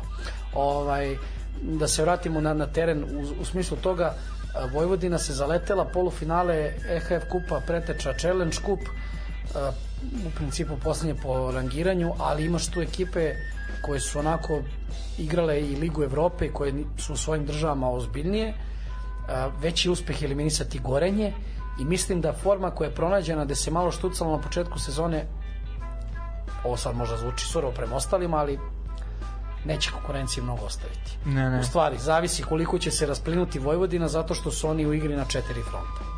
I Seha, i Kup, i prvenstvo koje će imati drugačiji sistem završetka, četiri tima idu u playoff i imamo šta sam zaboravio, EHF Kup, gde da. oni sada gaje velike ambicije, jer Marko Vujin koji je doveden kao potpredsednik kluba, on je pričao sa svima i rekao ja neću doći ako nemamo svi iste ambicije da budemo barem stalni učesnik Lige Evrope. E, to je bilo, to je bilo i pitanje za tebe, ali već si odgovorio gledalcu kojem sam na početku emisije odgovorio ovo za Lazovića, pozdravljam ga puno, šalji, šalji pitanja i dalje i on te baš pita kako ceniš uh, evo, pitanje je bilo kako ceniš šanse protiv Šveđana i da li je realno da sledeće sezone igraju Ligu Evrope s obzirom na to da se ista proširuje. Ovo drugo si odgovorio, a reci mi ovo za Šveđan. Pa ja sam uh, taj uh, Olincas, kako ga zovu šveđani, pošto sam se raspitivao, radio sam ih već u Ligi Evrope. I sad tih par igrača koje sam ja zapamtio, oni su prodali umeđu vremenu. Ali protok š- švedskih igrača je veliki, nije kao u Danskoj, iako je možda tržište veće, nije kao u Danskoj, ne radi se tako sa mladima i ne izbacuju oni, sada u Danskoj imaš u svakoj ekipi barem jednog igrača koga će neko tržište povući, da li je to neka Poljska, Mađarska ili najčešće Bundesliga, jer su im zahvalni zbog načina obuke. A, mislim da Vojvodina ima šanse, e sada, ajde da uzmemo reper, Dukla iz Praga je češki tim koji pa nije, nije sada neka ekipa koja treba nekog da zabrine iz tog drugog ešalona timovi Ligi Evrope. I oni su odigrali dve drugačije utakmice sa njima. Jedna je bila na ogroman broj golova, znači bili su pretrčani. Jesi igrao minus ili plus? E, ne, ne, to tad, tad još uvijek nisam ovaj, imao u svom, na svom radaru Duklu. Igrao sam revanš plus i naravno pao sam. Težak minus, bila je tuča. Ovaj, umem ja i da pogodim majke mi, evo sad, pošto sam samo pričao o padovima. O, to ćemo kad budem batalio ovo i budem bio savjetnik onaj 50 evra dojavi samo meni. Šalim se. Ali uglavnom, suština priče je da taj drugi meč uh, gde je Dukla pokušala da svede da se igra na manji broj golova, imali su 13-10 na polovremenu, ako se dobro sećam, i to je otišlo u egal. Uh, mislim da zbog uh, podneblja i zbog načina obuke uh, Vojvodina ne bi trebalo da ide na taj veći broj golova i na bržu igru mnogo će biti bitno kako se delegira sudijski par, šta ko dozvoljava, mada je Vojvodina ove sezone pokazala i to opet trener Rojević, širinu da igra i na to, 35-35, 33-30, što je idealno. I to ranije nije bio slučaj. Nije bio slučaj, bila je opšta tuča, po- polagalo se sve iz tih 6-0, polagalo se da iz toga ideš ti u neke lake golove protiv timova odavde i Vojvodina nije imala taj međunarodni CV. Nije bilo međunarodnog CV-a. Ovaj, tako da e, za napredak rukometa je neophodno da se igra na međunarodnoj sceni bez obzira koliko neko misli da to nije bitno. Uh, Eurofan Pelister ima par sezona iza sebe u Ligi Evrope, ali ajde da uzmemo ako Eurofan Pelister malo luta i traži put Nekse, Komšiluku, Našice, Ozbiljna ekipa. ok. Ergović mnogo ulaže. I to je zdrav protok novca i to je neka sredina koja se ne bavi time što je Zagreb nedodirljiv čak i na nekim poljima koje nemaju veze sa rukometom, ona velika afera prošle godine. Ali nek se sad dovodi uh, Marka Bezjaka i Manula Štrleka. Znači iz Vesprema i iz Magdeburga. Ok, gradi se nova dvorana. To je, što, eto da prevedemo nekim slušalcima koji ne prate toliko rukomet, to je kao otprilike dolazak Dragovića u srpski futbal iz Leverkusena. Bravo, može tako, to je Bezjak da. Neke godine, a Štrlik bi bio sada a ne znam sad neku poziciju kako da navedemo to, ali vraćanje Štrlika u Nekse pa, evo sad ne mogu da nađem pandan ali ko može još da da? Ne mogu baš njega da navedem, ali a što ne, možemo i to da kažemo. Darko Lazović da se vrati sad. A ima još da prikaže, može da igra ali ajde, ajde nek bude tako A Bibras Nathu u srpskom futbalu, isto, tako. isto, isto, to je, to je. Uglavnom, e, neophodna je međunarodna scena jer je taj Nexa izgradio pedigre i iškolovao sve ove mlađe hrvatske igrače i još te igrače iz regiona kroz to što su igrali Final Four Lige Evrope. I sad ne može Vojvodina odmah da puca na to. Ali, ako bi Vojvodina imala taj nukleus gde zadržiš Luku Rogana još sezonu dve. Jovica Nikolić je otišao kao najveći talent u tom trenutku u Veclar jer je poziv bio dobar i ne odbija se i Da. tako dalje. Ali ako još nekoliko igrača dođe, ako ostale ekipe priđu, mi smo sad uzeli Vojvodinu za primer jer je glavni favorit pa je možda najbliže tome. Jer Dobro, i, jeste, i lokalno. Pa ne, ali organizacijono, strukturno, igrački... Bez premca, bez premca. Daleko su ostali, tu fali. Prvo, oni su uh, jako primar, uh, primamljivi da ih neko prihvati, da dođe. Uh, dobro prave u poslednjih par godina spoj mladosti i iskustva. I to su neke stvari koje su fakat, što se toga tiče u, domaćih. u razgovoru sa Borisom Rojevićem trenerom pričali smo više puta o tome. Jednostavno dve, dve stvari koje si ti donekle pomenuo. Prvo za, za Nexe da kažem oni se bukvalno gledaju na Nexe u smislu šta Nexe radi. Nexe je konstantan. Počinje da bude konstantan u tim e, evropskim takmičenjima što Vojvodini fali, ali siguran sam da uz ovaj rad u ove igrače to će brzo da se promeni. I druga stvar u razgovoru pred, e, pred najavu za duel sa Gorenjem rekli su, e, Ro, Rojević je jasno rekao, jednostavno mi možda imamo u ovom trenutku sa igračima su bara bar ili čak malo kvalitetniji, ali oni imaju iskustvo. To su ljudi koji igraju isto solidnu ligu, čak malo kao što je on naveo celje koj, s kojim se stalno ovaj velika je borba, ima naravno i Vojvodina problema i s metaloplastikom, Dinamom, Partizanom. Naveo je tu i naveo je druga stvar, jednostavno oni su konstantni u tim evropskim takmičenjima prošle godine Liga Liga Evrope četvrtfinale izgubili od Benfike koja je kasnije osvojila. Dakle, imaju, imaju veliko iskustvo u tome i upravo je to je govorio da je to najveća bojazan od tog gorenja. Ne ni, ne ni iskustvo Vojvodine, koliko iskustvo protivnika koje eto, eto ovaj, na sreću nije, nije koštalo prolaska u to istorijsko polufinale, ali stvarno u potpuno se slažem i stvarno Vojvodina na sjajnom putu. Zarad srpskog rukometa meni je jako drago zbog epiloga jer Gorenje nije šampion Slovenije, Vojvodina jeste i pobedio je srpski šampion. E, Koji Slovenac igra u Arkus ligi? E, Gregor Ocrk u Vojvodini, da. Mimo njega. Mislim da ne, da. Da otvorimo uh, platni spisak slovenačkih klubova biće Srba. Šta hoću da kažem? Da. Pored Gorenja i Celja ima tu ozbiljnih ekipa. Pa, Trimo Trebnje vodi selektor Slovenije. Znači, Uroš Zorman, legenda, vodi Trimo Trebnje. Znači, to je jedan, jedan centar koji je pandan u ovim centrima koji sad negde hoće možda da malo zameni Gorenje kao broj 2, jer je Celje još uvek negde nedodirljivo. Tako da eliminisati tim iz te lige je već uspeh. Što govori da je platforma najjači temelj je Vojvodine da priđe najbliže Evropi. Slično tome, ajde, eto, nije, nije aktualna tema, ali da navedemo metaloplastika Vladan Matić, znači bivši selektor to, Srbije koji je to isto... samo plus. isto Prvo, plus. način kako razmišlja, gde ne želi da se to pretvori u bojno polje, gde želi momke da edu- edukuje, gde rukomet kao skromniji sport, čemu smo ti ja dosta pričali, Nikola, gde pre svega moraš da budeš čovek i da nađeš neko nasleđe i obrazovanje i nešto što će te ostaviti posle, jer nećeš ti zabusti dva, tri ugovora koje će te hraniti 10 godina, 20 posle. I s te strane, Vladan Matić isto poteže na tome, znači ne želim ja njima da usadim da oni po svaku cenu žele da pobede. Naravno dok se bave time treba, ali hoće da kaže čovjek da ima nešto izvan rukometa i da na terenu treba bude nečeg viteškog. E sad, to je neka teško ostvarivo, meni je krivo kroz šta prolaze Zvezda i Partizan u smislu financija i godinama unazad, ali s te strane ako već pričamo da su Pančevo, Šabac, tu uz Vojvodinu, a, neka posebna priča je Partizan. A, po igračkom kvalitetu u smislu godišta tih momaka i to, da. to je najplodonosnije tle. Ubedljivo, e, e, znači, Da, evo, odmah, da li Partizan sad na nivou Arkus Ligi ima najviše potencijalnih reprezentativaca? Da, da, da, da, gledajući koje uloge imaju, Vojvodina ima internacionalce, ima dokazanog igrača u vidu Luke Rogana, ali Partizan ima pa je ovako, Šotić se vratio koji je igrao kvalifikacije, bio je sjajan u onom revanšu protiv Francuske u Kreteju. I, I tu si se proslavio Pa komentarom. bilo je, pa čovjek nas upalio šta, igraš protiv igraš protiv najdominantnije sile na svetu i ti Cepelin u sred Kreteja, vidi bože. Ovaj, tako da to je bila samo prirodna reakcija. Šotić je tu, Vuk Lazović je reprezentativa Crne Gore, ogromno pojačanje za play-off i onda idemo dalje. Bekovska postava Petrić, Zečević i Kojadinović koje menja Popović.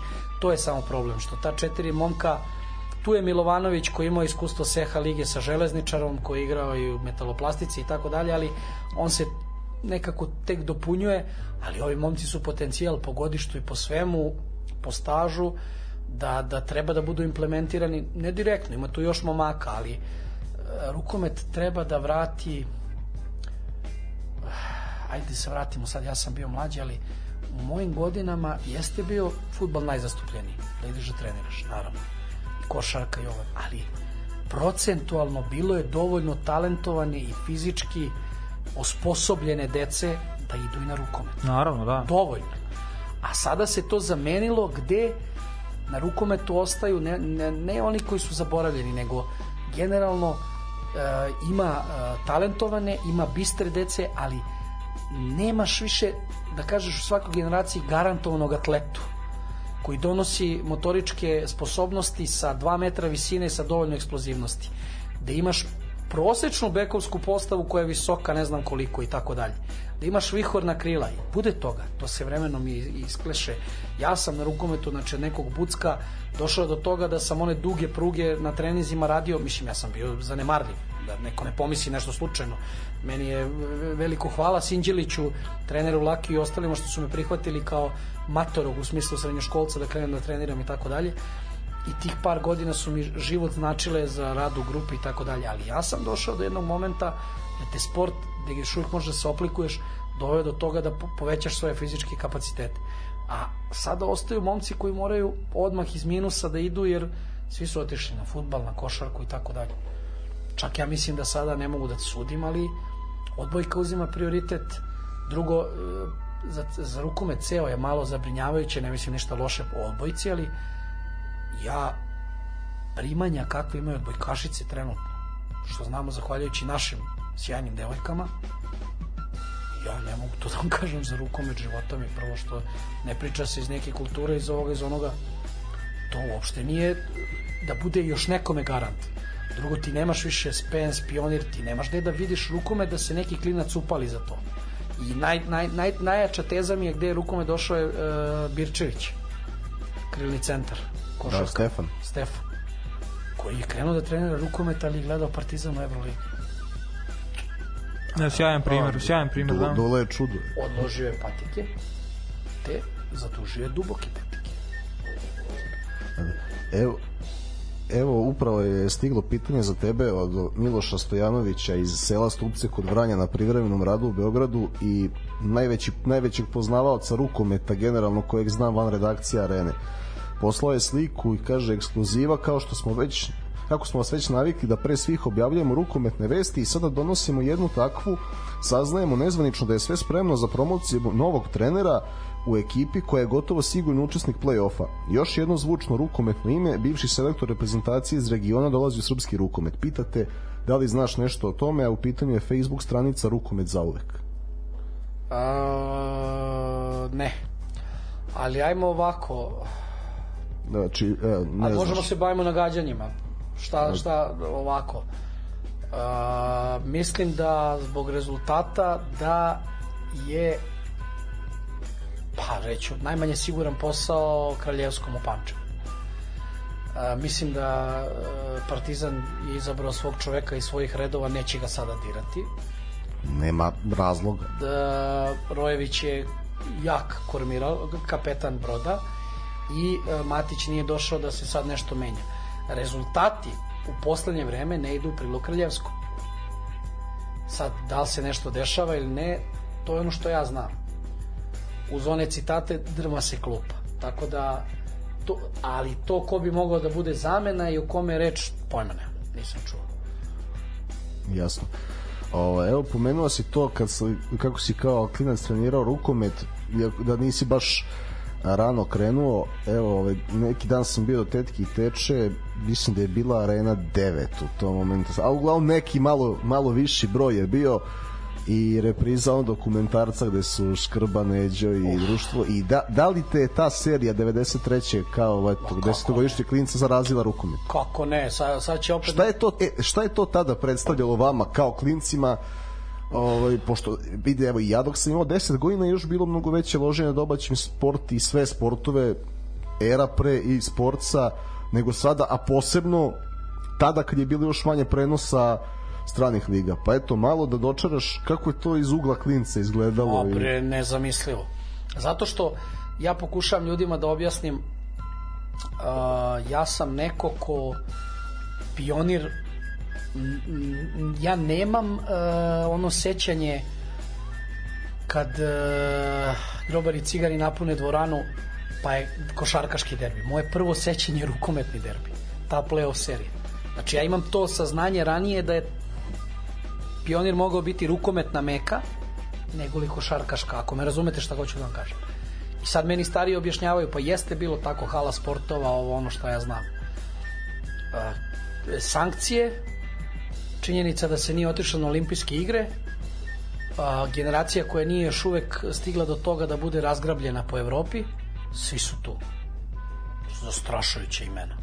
Partizan koji je to na ime Partizana, koji nema tada rukometnu tradiciju kao sekcija, ali na ime Partizana ulazi iz druge lige i mi upaljeni, ja nisam uspeo da odem na tu utakmicu, gledao sam kod kuće, gledaš ona imena, ništa ti nije jasno, braća Perunčić na jednoj strani, Neđe Jovanović, Bog tamo, Perun, ne može mu niko ništa, znači odbijaju se, diže se škrba, ona tehnika iz ereta, ja pričam romantično kako ja pamtim, ne pričam sad da, da, da kreiramo, da namećemo.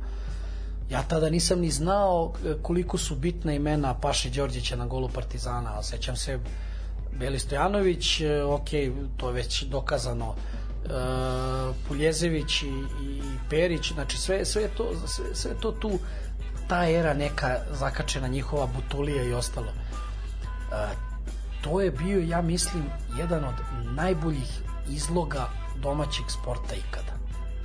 Taj moment. Poklopilo se s tim neodlaskom na olimpijske igre, dosta, i e, mislim da već tada je košarka bila na glasu da su već imali klubove, da je to bilo užurbano ono, i onda ti u toj eri kada kreću ta, te nemile stvari i sve ostalo, ti si najbolje dobio od rukometa u svom dvorištu. I to je, ne da je mene inficiralo tada, nego meni je to i plus što sam e, navukao neki osjećaj da mi je e, mozak mi luči najviše stvari kada gledam rukometnu reprezentaciju. Da se, shva, da, da se razumemo. Ne, mogu ja da to stavim ispred, nego 1998. godina Mondijal u Francuskoj je za mene vrhunac praćenja sporta gde sada mogu da vam izdeklamujem ceo kostur i većinu strelaca. I prokleto mi je to u prečku. Van der Sar, naš najbolji strelac Komljenović i tako dalje, koliko detalja. Ali uh, rukomet je tada dobio na, najbolji izlog za domaći sport jer su ostali i oni su tek posle počeli tamo, vamo i onda se videlo koliko su dobri i nikada nisu došli do tog nekog zlata a toliko se gorelo njihovim mečevima jer su odigrali epske duele. Znači oni nisu imali ni jedno prvenstvo da leše po 10 razlike. Nisu imali da njih neko leši, pričam, posle sve to dešavalo. Nego sa svima neka drama, pa u tom prvom periodu mi smo postavljali uh, uh, reper Hrvatima, su gubili redovno, Srbija dobija, dobijala redovno to vreme. Iako se njima desi Atlanta. I 96. i čuveni komentar Zekneževića koji je, on je, on je postao besmrtan E, za mnoge u smislu moja generacija, baš moja, mi smo znači 81. drugo, treće, imam kolege iz branše, imam kolege koji to smatraju šta god, kako god, neki smatraju da je preterano ono, ali čovjek je ne znam, to je tako vekovečeno i mene je inficirao rukomet tada dodatno, ali kažem posebno nastupi reprezentacije koja je mogla sa svima nikad nije falio onaj konačni korak nažalost. Pa, 96. ja koliko sam video u tim snimcima nije da nam je baš i dozvoljeno u tom finalu. A je, zato što... Onako, će, baš bio je talent Duše, Duše Bajeva dosta zaštićen ako mene pitaš. Ne, ne, to je... To je to Zaštićeniji od sinova da, danas. Ja, ja njega pamtim i Španci su gurali, to je EPO 95. kod njih u Španiji. I to baš su. Tada je rukomet... Da, pa izvini, da, da. Zato što nije bilo mnogo prenosa i toga i onda a, moje sećanje, mladalačko sećanje da je još više sudija uticao na igru. Tek nije bila izražena pasivno, tek a, nije ovoliko ubrzan bio, a, bilo je mnogo više grubih poteza, nije bilo realizacije prenosa sa toliko kamera pa da iz svakog ugla vidiš i tako dalje. I onda s te strane ne mogu ja sad da pričam da je baš ta generacija zbog toga platila cenu, jer oni ne pričaju, ne potenciraju. Dosta ih sada srećem i razgovaramo i tako dalje, evociramo uspomene u, u radu i u neformalnom razgovoru, ali suština priče je da rukomet mnogo ispašta na globalnom nivou zbog nekih odluka i zbog toga kako su pravila ima mnogo dobrih ideja, ali ne mogu se sve implementirati jer to je kao sad da uporedim, čim da uporedim sa nekim organizmom koji odbija odstranjuje, znači dobra vakcina i telom odstranjuje. Tako i rukomet neke ideje može da proguta da ne bude tek tako dobro.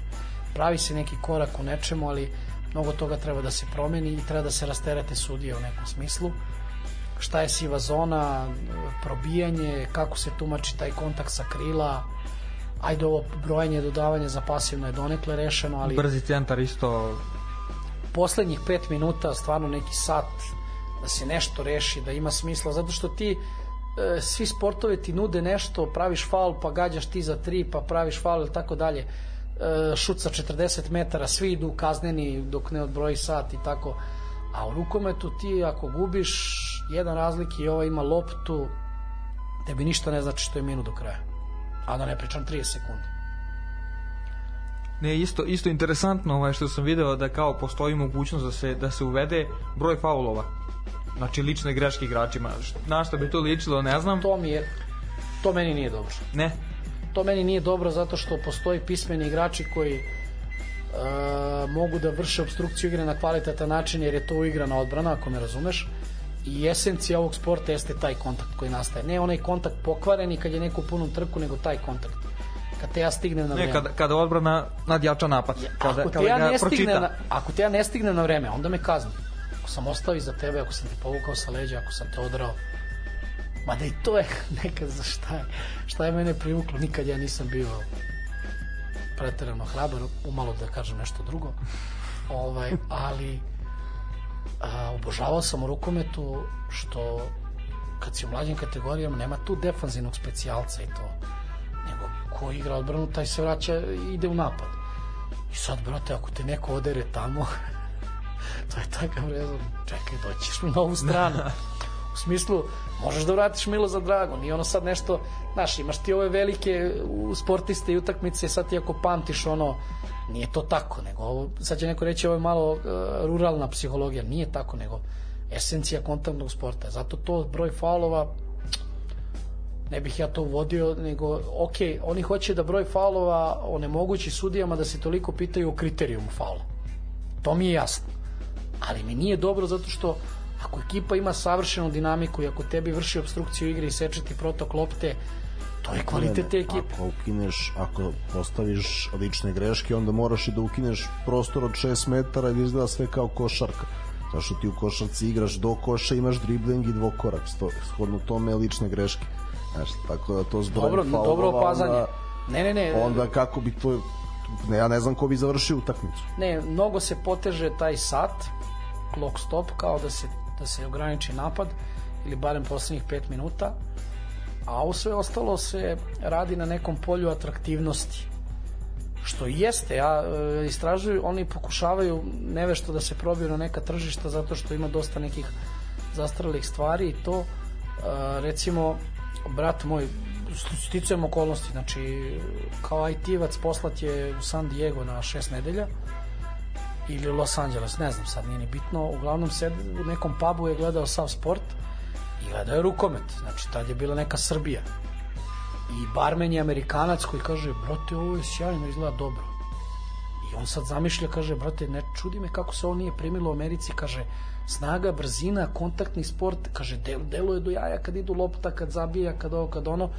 Mislim, okej, okay, Ljudi, ljudi kojima je NFL to što jeste, nis, ne gledaju rukomet. Pe- 15, 15, uh, za 15 godina, dobro, Amerikanci bi bili novi Francuzi za pola, za pola veka, ali kad bi hteli da se prihvate. Zato što i tamo sam gledao neke sportiste, oni su im dali loptu.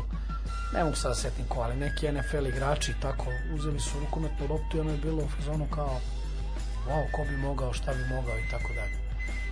Ali ugla, uglavnom e, pre neko veče kolega Milan Caković i ja koji komentariše košarku kaže ajde da napravimo dva tima iz NBA lige ko šta igra, ko je krilo, ko bi mogao po, po predispozicijama, sposobnostima.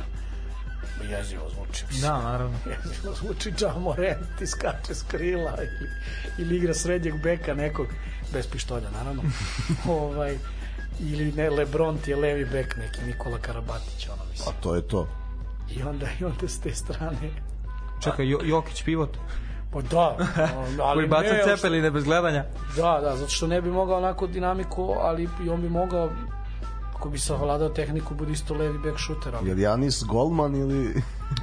Ne, e, našli smo ko bi bio mačka golman, ali sad sam zaboravio ko bi bio mačka golman. Ali ne, mislim, meni PJ predivan, Tucker. me, meni, meni predivan sport, izuzetno i s tim u vezi žao mi je što je sada u Srbiji na ovom nivou, ali ne sad kao, ovo nije rečenica kao na ovom nivou, gotovo je sad, ne, ne, ne prozivamo imena, ne prozivamo ljude, nešto se dešava. Po mom mišljenju, Liga nije bila dugo interesantna ovako, jako Vojvodina i dalje odskače šta god ko mislio.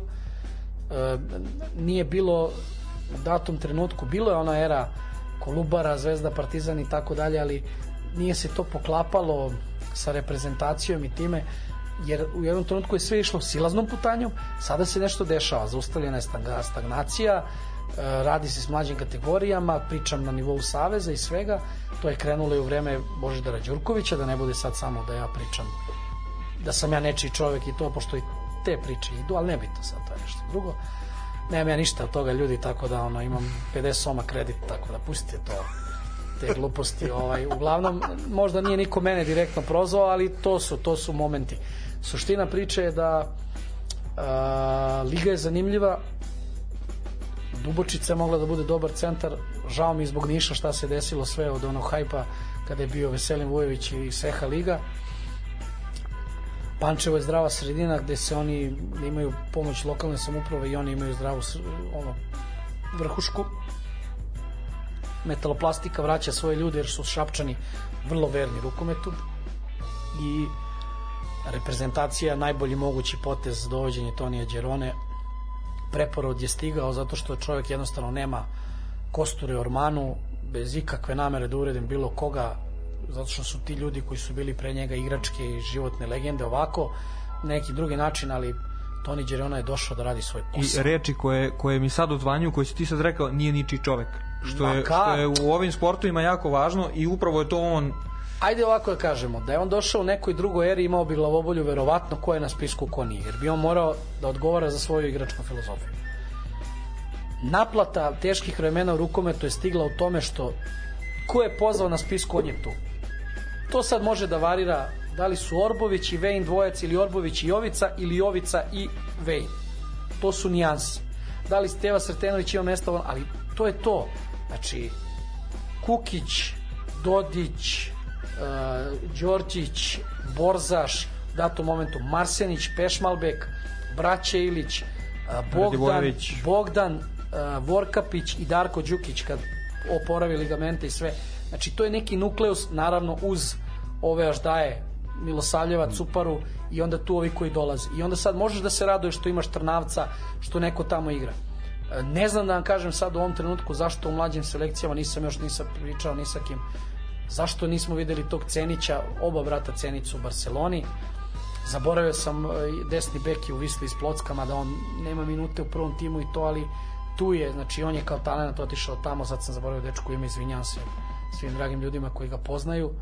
Ovo i Miloš Kos čeka na više minuta tu, u Zagrebu. On je tu, znači e, to može da se poveća konkurencija, ali Tonija Đeronu ne treba dirati sada. Nikako. Ja mislim da je ta klima prošla.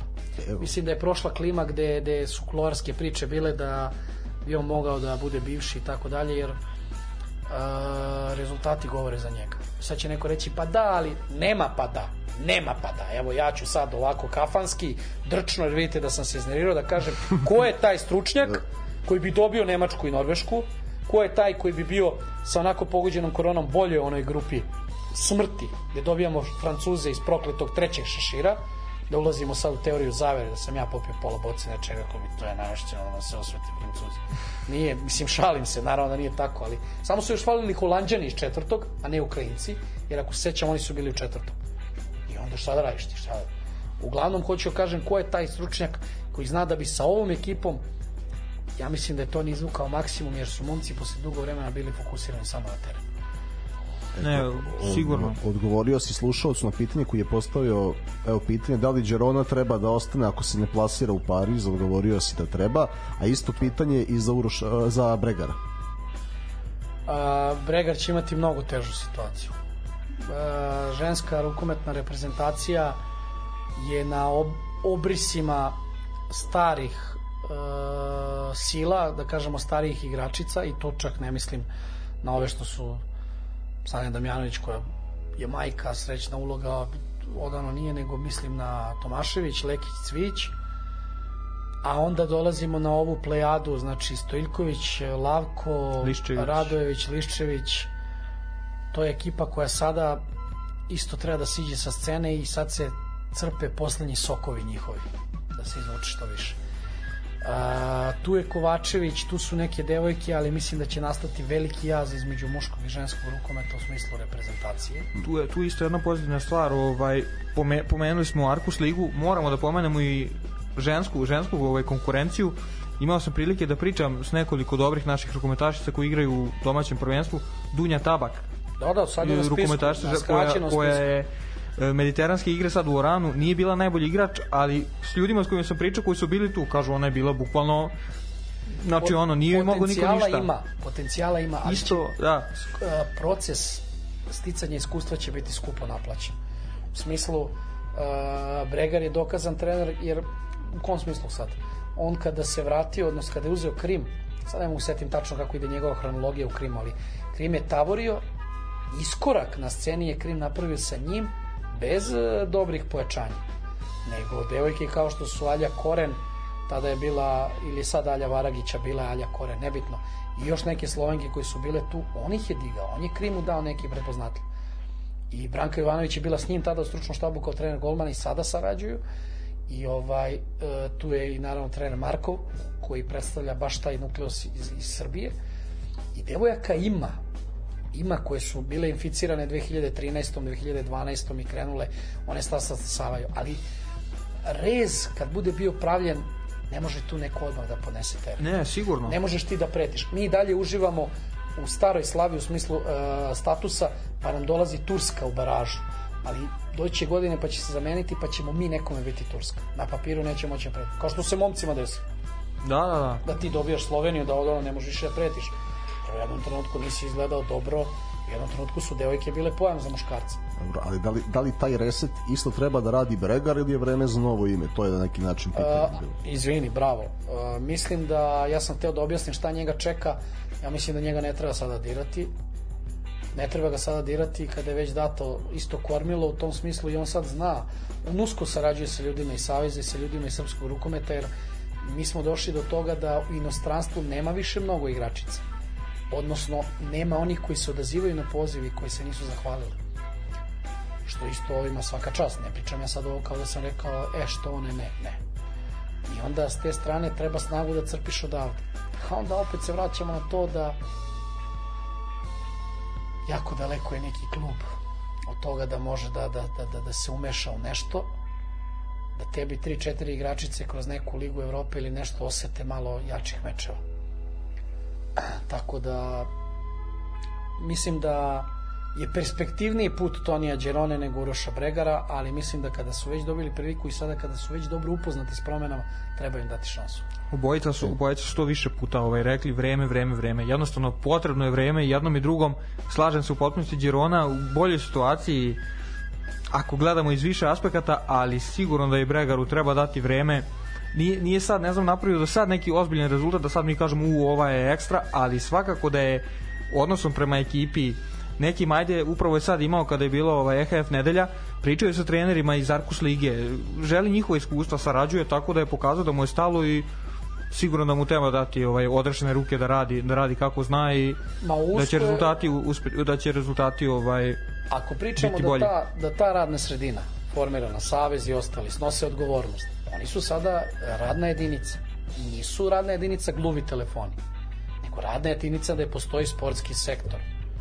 Sada je, ok, Aleksandar Brković je bio tu u Željka Radojevića, sada je Aleksandar Brković tim menadžer muške reprezentacije, ali uh, oni su Ja ne znam koliko utakmica odgledali i šta sve i koliko znaju u prst koji mladići i devojke treba da stasaju. To, to, I- izvini, to sa Sale, to mi je sjajan potez, zato što je Sale stvorio najstariji igrača ove sadašnje reprezentacije pre 10 godina. On je bio zna, najmlađi, on zna najmlađi kako trener u istoriji Lige šampiona s Partizanom, poslednjim klubom koji je igrao na međunarodnoj sceni tako bitnu ulogu i taj nukleus se sada vraća kroz reprezentaciju ti momci. Uglavnom, za one koji ne znaju, tada su bili i braća Ilić i Marsenić i e, bio je. Strahinja Milić, ali ok, on sad nije u reprezentaciji, ali uglavnom e, Čega, Milosavljev na golu? Bogdan Radivojević. Posle je bio Milosavljev, nije on igrao Ligu šampiona, da. ali uglavnom uh, nukleus je odatle I Kukić je bio sa i Milosavljevim. on je posle stigao isto kroz Partizan i tako dalje. Uglavnom, uh, Bregar je usko povezan sa Savezom i mnogo to bude imalo koncepcije da on može da podmlađuje i to moći ćemo da pričamo o tome tek kad se budu istarali na čistac neki rezultati kad kaže na čistac znači sada ova Srbija i dalje treba da eliminiše Tursku a posle ćemo da opismenjujemo ljude kao što sada ljudi smatraju da je neuspeh što smo mi završili s porazima Norveške i Nemačke a ja kažem mi smo dobili svakog svakog ko je imao uh, kogod je imao manju kvotu, veću kvotu, izvini, od nas mi smo ga pobedili.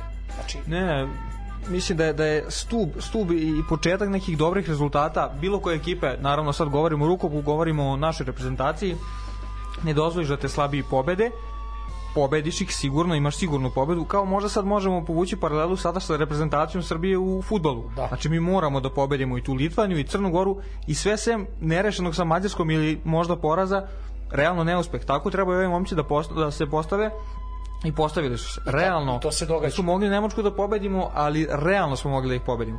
S Norveškom, sad sam skoro pričao pre utakmice sa Norveškom kod nas, sa Kukićem koji vidim da priča sa mnom i opet se sjeća toga i ono nervozan je tip, zato što kaže, žao mi bre, 40 minuta smo bili bolji od jedne Norveške, nema priče. Jednostavno ima ima ima smisla i jednostavno moraju kao što se rekao mora da se pobeđuju te neke ajde da tako kažemo mada sad svi opet igraju sve sportove da se pobede slabije ekipe i da se nadmeće sa jačima koji nas više ne gledaju e Srbija mi ćemo to lako već koji imaju malo i tu neku bojazan i znaju znaju da dolazimo e, ne priča se o klanovima, ne priča se o nezadovoljstvu, oni su jedan tim, jedan duh.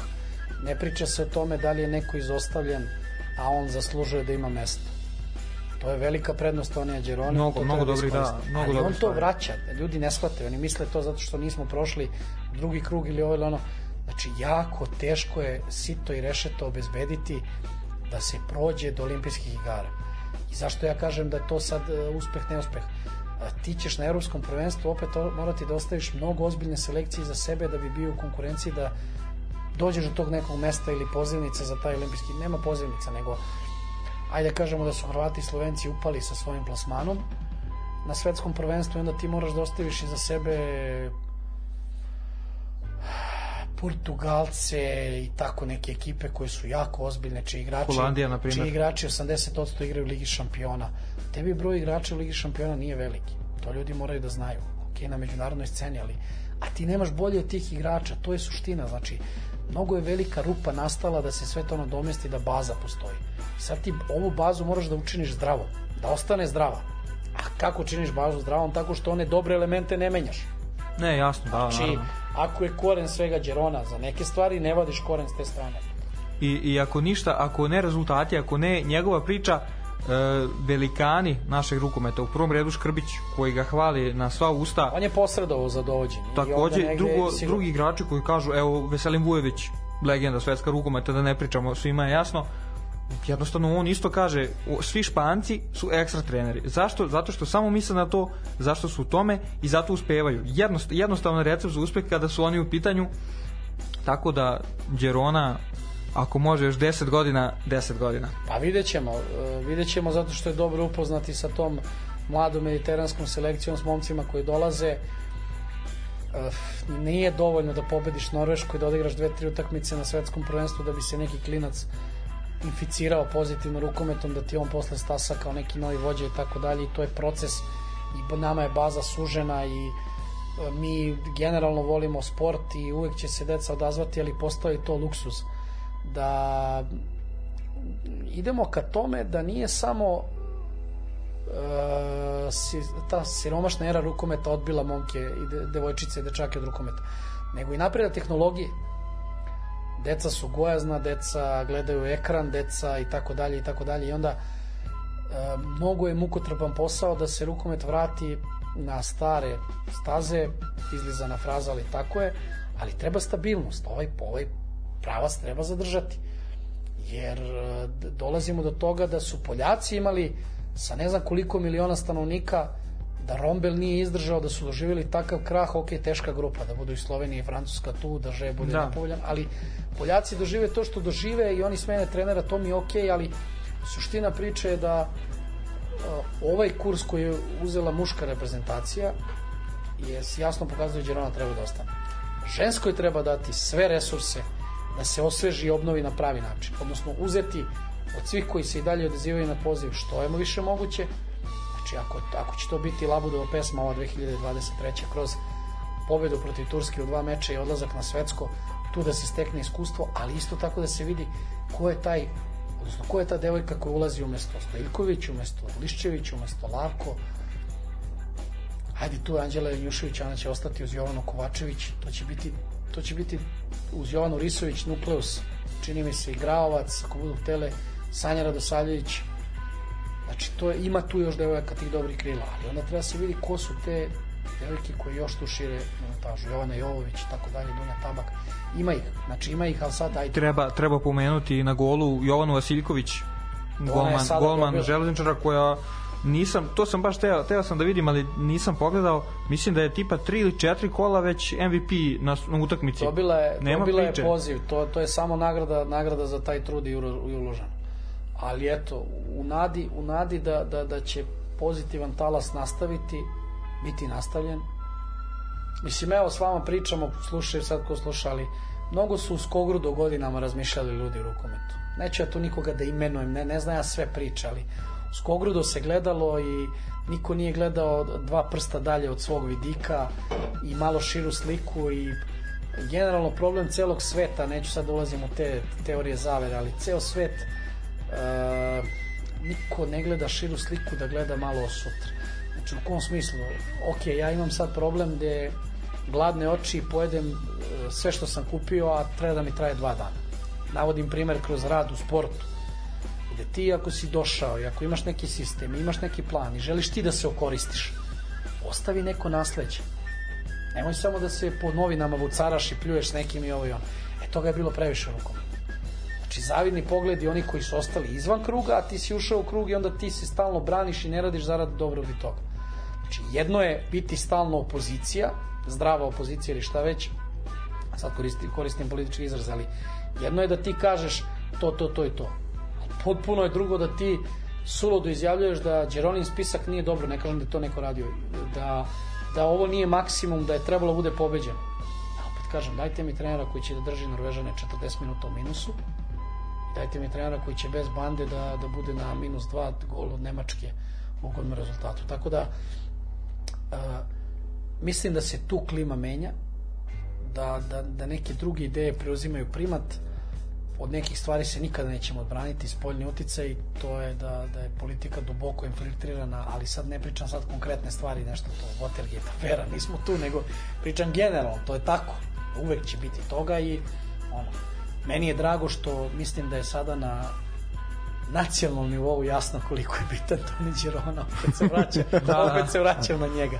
Eto, i time bih možda stavio tačku. Ali gledaj, nije, Srbine. nije, nije problem da je politika infiltrirana, problem je kako je infiltrirana. Pa, Znaš, jer ovaj, e, ljudi ne razumeju da sve svuda u svetu u suštini rade države, druga je stvar koliko se ogole i kakav je mehanizam, da li je otvoren ili je subtilan.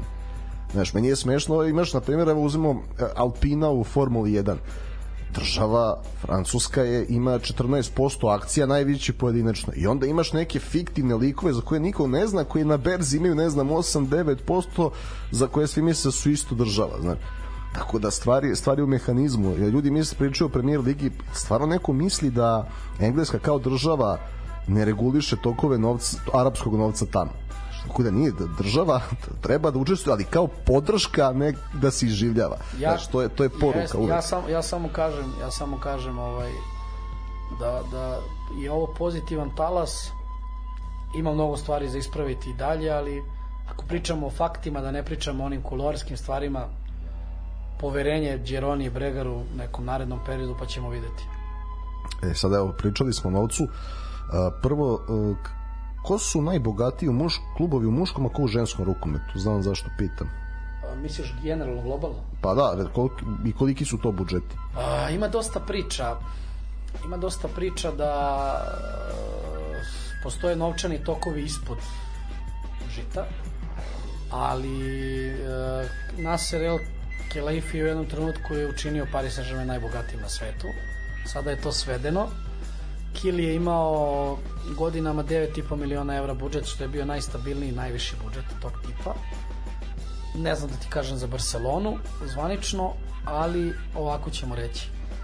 Paris Saint-Germain, Vesprem, Kiel. To su tri, tri kluba koja treba da imaju najveći protok novca ubedljivo.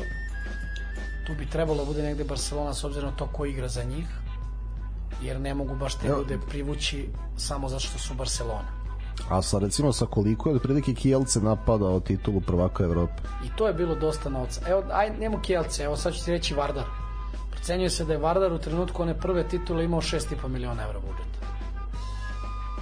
To je bio manji budžet za drugu titulu, nije bilo protoka novca, momci su živeli od premije koji su dobili ranije i onda nisu primili 12 ili 20 plata, tako nešto I onda imaš jako zanimljivu situaciju da oni pričaju da su mnogo homogeniji kad nemaju pare jer dođu kući jedni kod drugih, kokaju kokice i gledaju filmove. Znači imaju osnovno. A kad dobiju pare, svi se nešto razlete, troše, kupuju ovo, ono. To je njihov utisak. Tako da, a, 6,5 miliona evra ti je budžet a... i on i on ne znam za, da on znam zašto on garantuje napad na titulu prvaka a, još neke okolnosti ali on ti garantuje prisutnost u tom krugu od da ti, e, šta kažu? Kažu da je u ovoj formi rukometa kad odeš na Final Four sve moguće, što je Vardar pokazao. Igraš dan za dan, nema pauze u, u 48 sati. Kad je Vardar preživeo onu Barcelonu za drugu titulu, ja sam znao teško će Vespren da dobije. I da se igralo tri dana Vespren ne bi dobio tada. Šta je suština priče? Ako budeš sa tih 6,5 miliona ti možeš da se boriš za četiri finale. To je suština. Kad dođeš do četiri finala, ako odeš na Final Four, tada je sve moguće. Pa to je to, ne, zato što, znaš, u posljednje vreme slušamo da se u državi ulažu u razne stvari, razne cifre u različitim sferama od sporta, IT-a, privrede, čega ne. Znači, tih 6,5 miliona.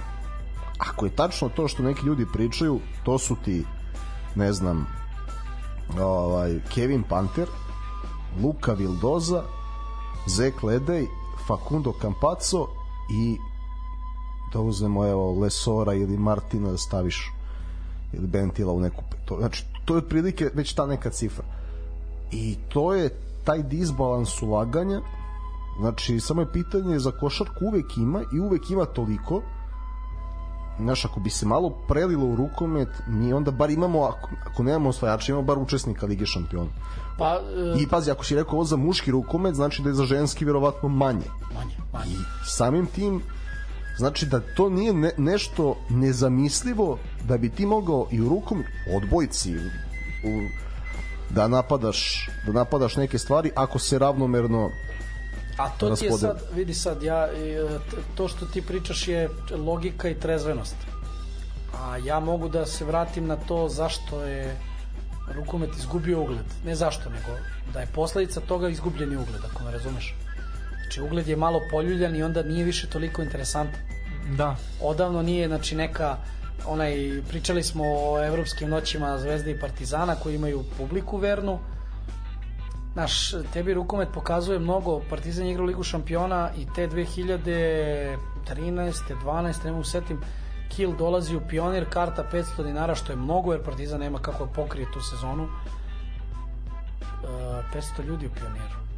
Od toga 250 trenera i ovih igrača koji hoće da gledaju. Sećam se da je Laki Sinđe bio tamo, i Micko i Laki. Tako da, da odim njihov primjer, ali znaš ko igra za Kiel tada? Thierry Meyer, uh, Daniel Narcis, Markus Salm, uh, Momir Ilić, Filip, Vuj-? Filip Jiha, ne, Filip Jiha, Henrik Lundstrom, Dominik Klein, Christian Sprenger, mala reprezentacija sveta. Znači, Francuzi ovi i dalje moćni i sve ostalo. I ti 500 ljudi dođe gleda. To ti govori koji je ugled uvažavao kil, pa uvažavao rukomet, pardon, i onda dolaziš do toga da, naš, treba nešto mnogo pozitivno se desi da opet neko izvodi novac i da kaže tu će da bude žarište, tu će bude ljudi. Vardar dolazi kao prvak Evrope u Novi Sad, slana bara prazna, jedna deo tribine, Vojvodina igra Seha ligu. Znaš, E, ali gledaj, gledaj ovo, izvini. Uh, znači, evo danas je neko nešto, pošto ja zašto pominjem košarku, danas ljudi me stalno zovu nešto pritiju za budžete i to, ima i za tebe pitanja, ali e, ljudi su poredili datume. Znači, e, ova skuplja petorka Naneli i društvo što je stiglo letos, oni su potpisani pre nego što su sezonske puštene u prodaju. Znači, neko je grunuo novac, a onda su, jer da, da si doveo, ne znam, da si ostao na Zagorcu, a nisi doveo na Anilija, ne bi verovatno na taj način rasprodao sezonski. Tako da možda i sve to pitanje šta je starije kokoška ili jaje, da li kada bi neko doveo da neću da kažem Karabatića, ali evo, evo dovedeš, izvojiš novac, ako je što, ako je došao Kampaco za toliko koliko se pri dovedeš Sagosena. Znaš, da li je onda 500 ljudi ili već zbog Sagosena 1000 ljudi, pa je zbog ovaj moguće, ali za sada je Duvnjaka je 1000 i po, pa je zbog nekog jasno, dve i... jasno, jasno, ali za sada je odziv slav. Ali ajde kažemo da je ovo sada bio uh, da je ovo bio poslednji nivo propadanja u podru. I da je sad krenulo gore pomalo. Ja mislim da će se onda i klima promeniti, neko će reći. Neću da ulazim u teorije zavere koji su ljudi na funkcijama i dalje nekome blizak rukomet, ko je neko pasionirani ljubitelj ovog ili onog sporta, ali trenutno ja verujem da sve ima interes da se veća masa okuplja, a druga strana medalje je da ako se pozitivni trendovi ustale, da će neko možda reći, e čekaj, ovde nešto ima, ima par talentovnih klinaca, daj da vratimo dva naša i dovedemo iz regiona neko ko hoće da igra za lovu i napraviš repliku Vardara, zato što su tamo jesu bili Španci zbog jednog trenutka i bili Rusi zbog Samsonenkovog novca i tako dalje, ali nukle su bili Srbi, Hrvati, Bosanci, lupam sad, Makedonci, kojih nije bilo mnogo, ali njihov je klub. I onda tako isto možeš da napraviš dobar projekat. Ali o tom potom, mislim, aj sad da kažemo, prvo treba stabilizacija, zato što mnogo sam pričao sa mojim kolegama koji su dugo, ogledalo jednog sporta ti je seniorska reprezentacija. I ajde tu da vidimo neku stabilizaciju, iskorak i momaka i devojaka pa ćemo da pričamo. Evo stiglo ti je pitanje da li znaš budžete Vojvodine i Večitih u muško ruku? Ne, pričali smo, uh, prošle godine je bilo uh, prošle godine je bila sjajna ona panel diskusija u, na fakultetu za sport gde je bio gospodin Đukić iz Vojvodine, Milan Đukić i bio je predstavnik Nexe i bio predstavnik Eurofarm Pelistera kao predstavnici regiona i ka tome baš da se ide to je sjajna ideja bila Žike Bogdanovića urednika Balkan Handbola. I gospodin Đukić je pričao o brojkama u Vojvodini ja sam zaboravio. Ja sam zaboravio oko čega se to vrti i koje su to brojke a budžet budžet Zvezda i Partizana usudit ću se kažem je fantomski. Sad ga vidiš, sad ga ne vidiš mislim šala, sad će neko ozvaditi uredljivo baš mislim tu je dosta improvizacije i nekih preklapanja, poklapanja.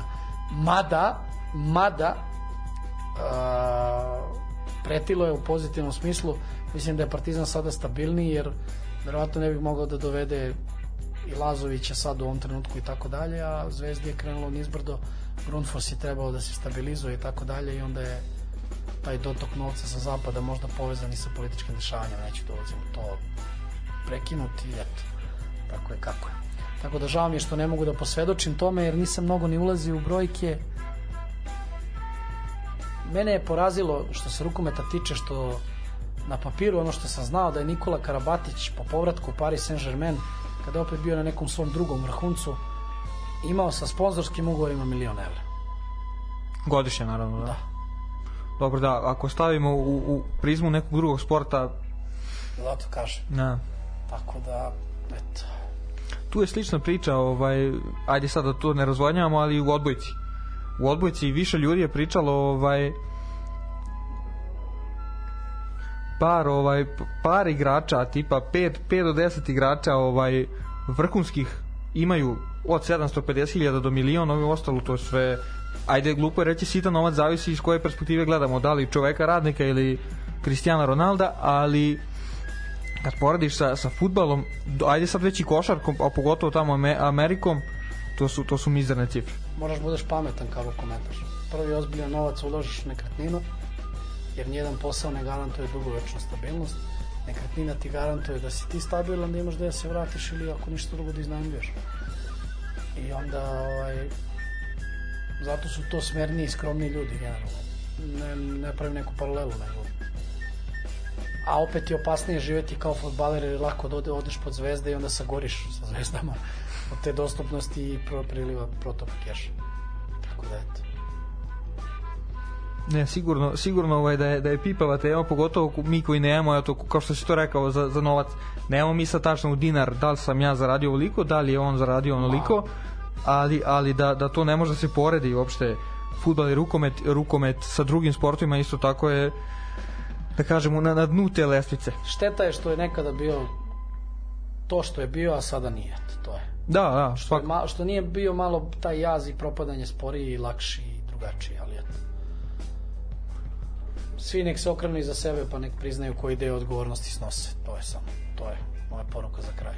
I ne idite u kladionice. A, dobro, čekaj, nije, nije još kraj. Evo sad pričali smo Argentini, pričali smo rukometu, sada jedno pitanje. Uh, omiljeni prenos u karijeri? O, teško pitanje, čekaj sad. O,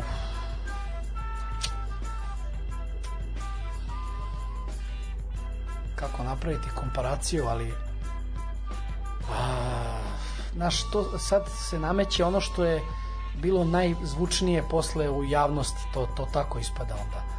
I onda naj, najveće pompe su izazvali super klasiko dvomeč taj madridski i naravno Final Four onaj drugi gde smo bili na licu mesta Stevan i ja sa Vardarom pa smo doživjeli to što smo doživjeli u Skoplju. I onda s te strane, ali ja sad naš treba napravim digresiju, ja imam neke prenose gde ja znam da sam zvučao dobro i da sam imao potpunu kontrolu od početka do kraja.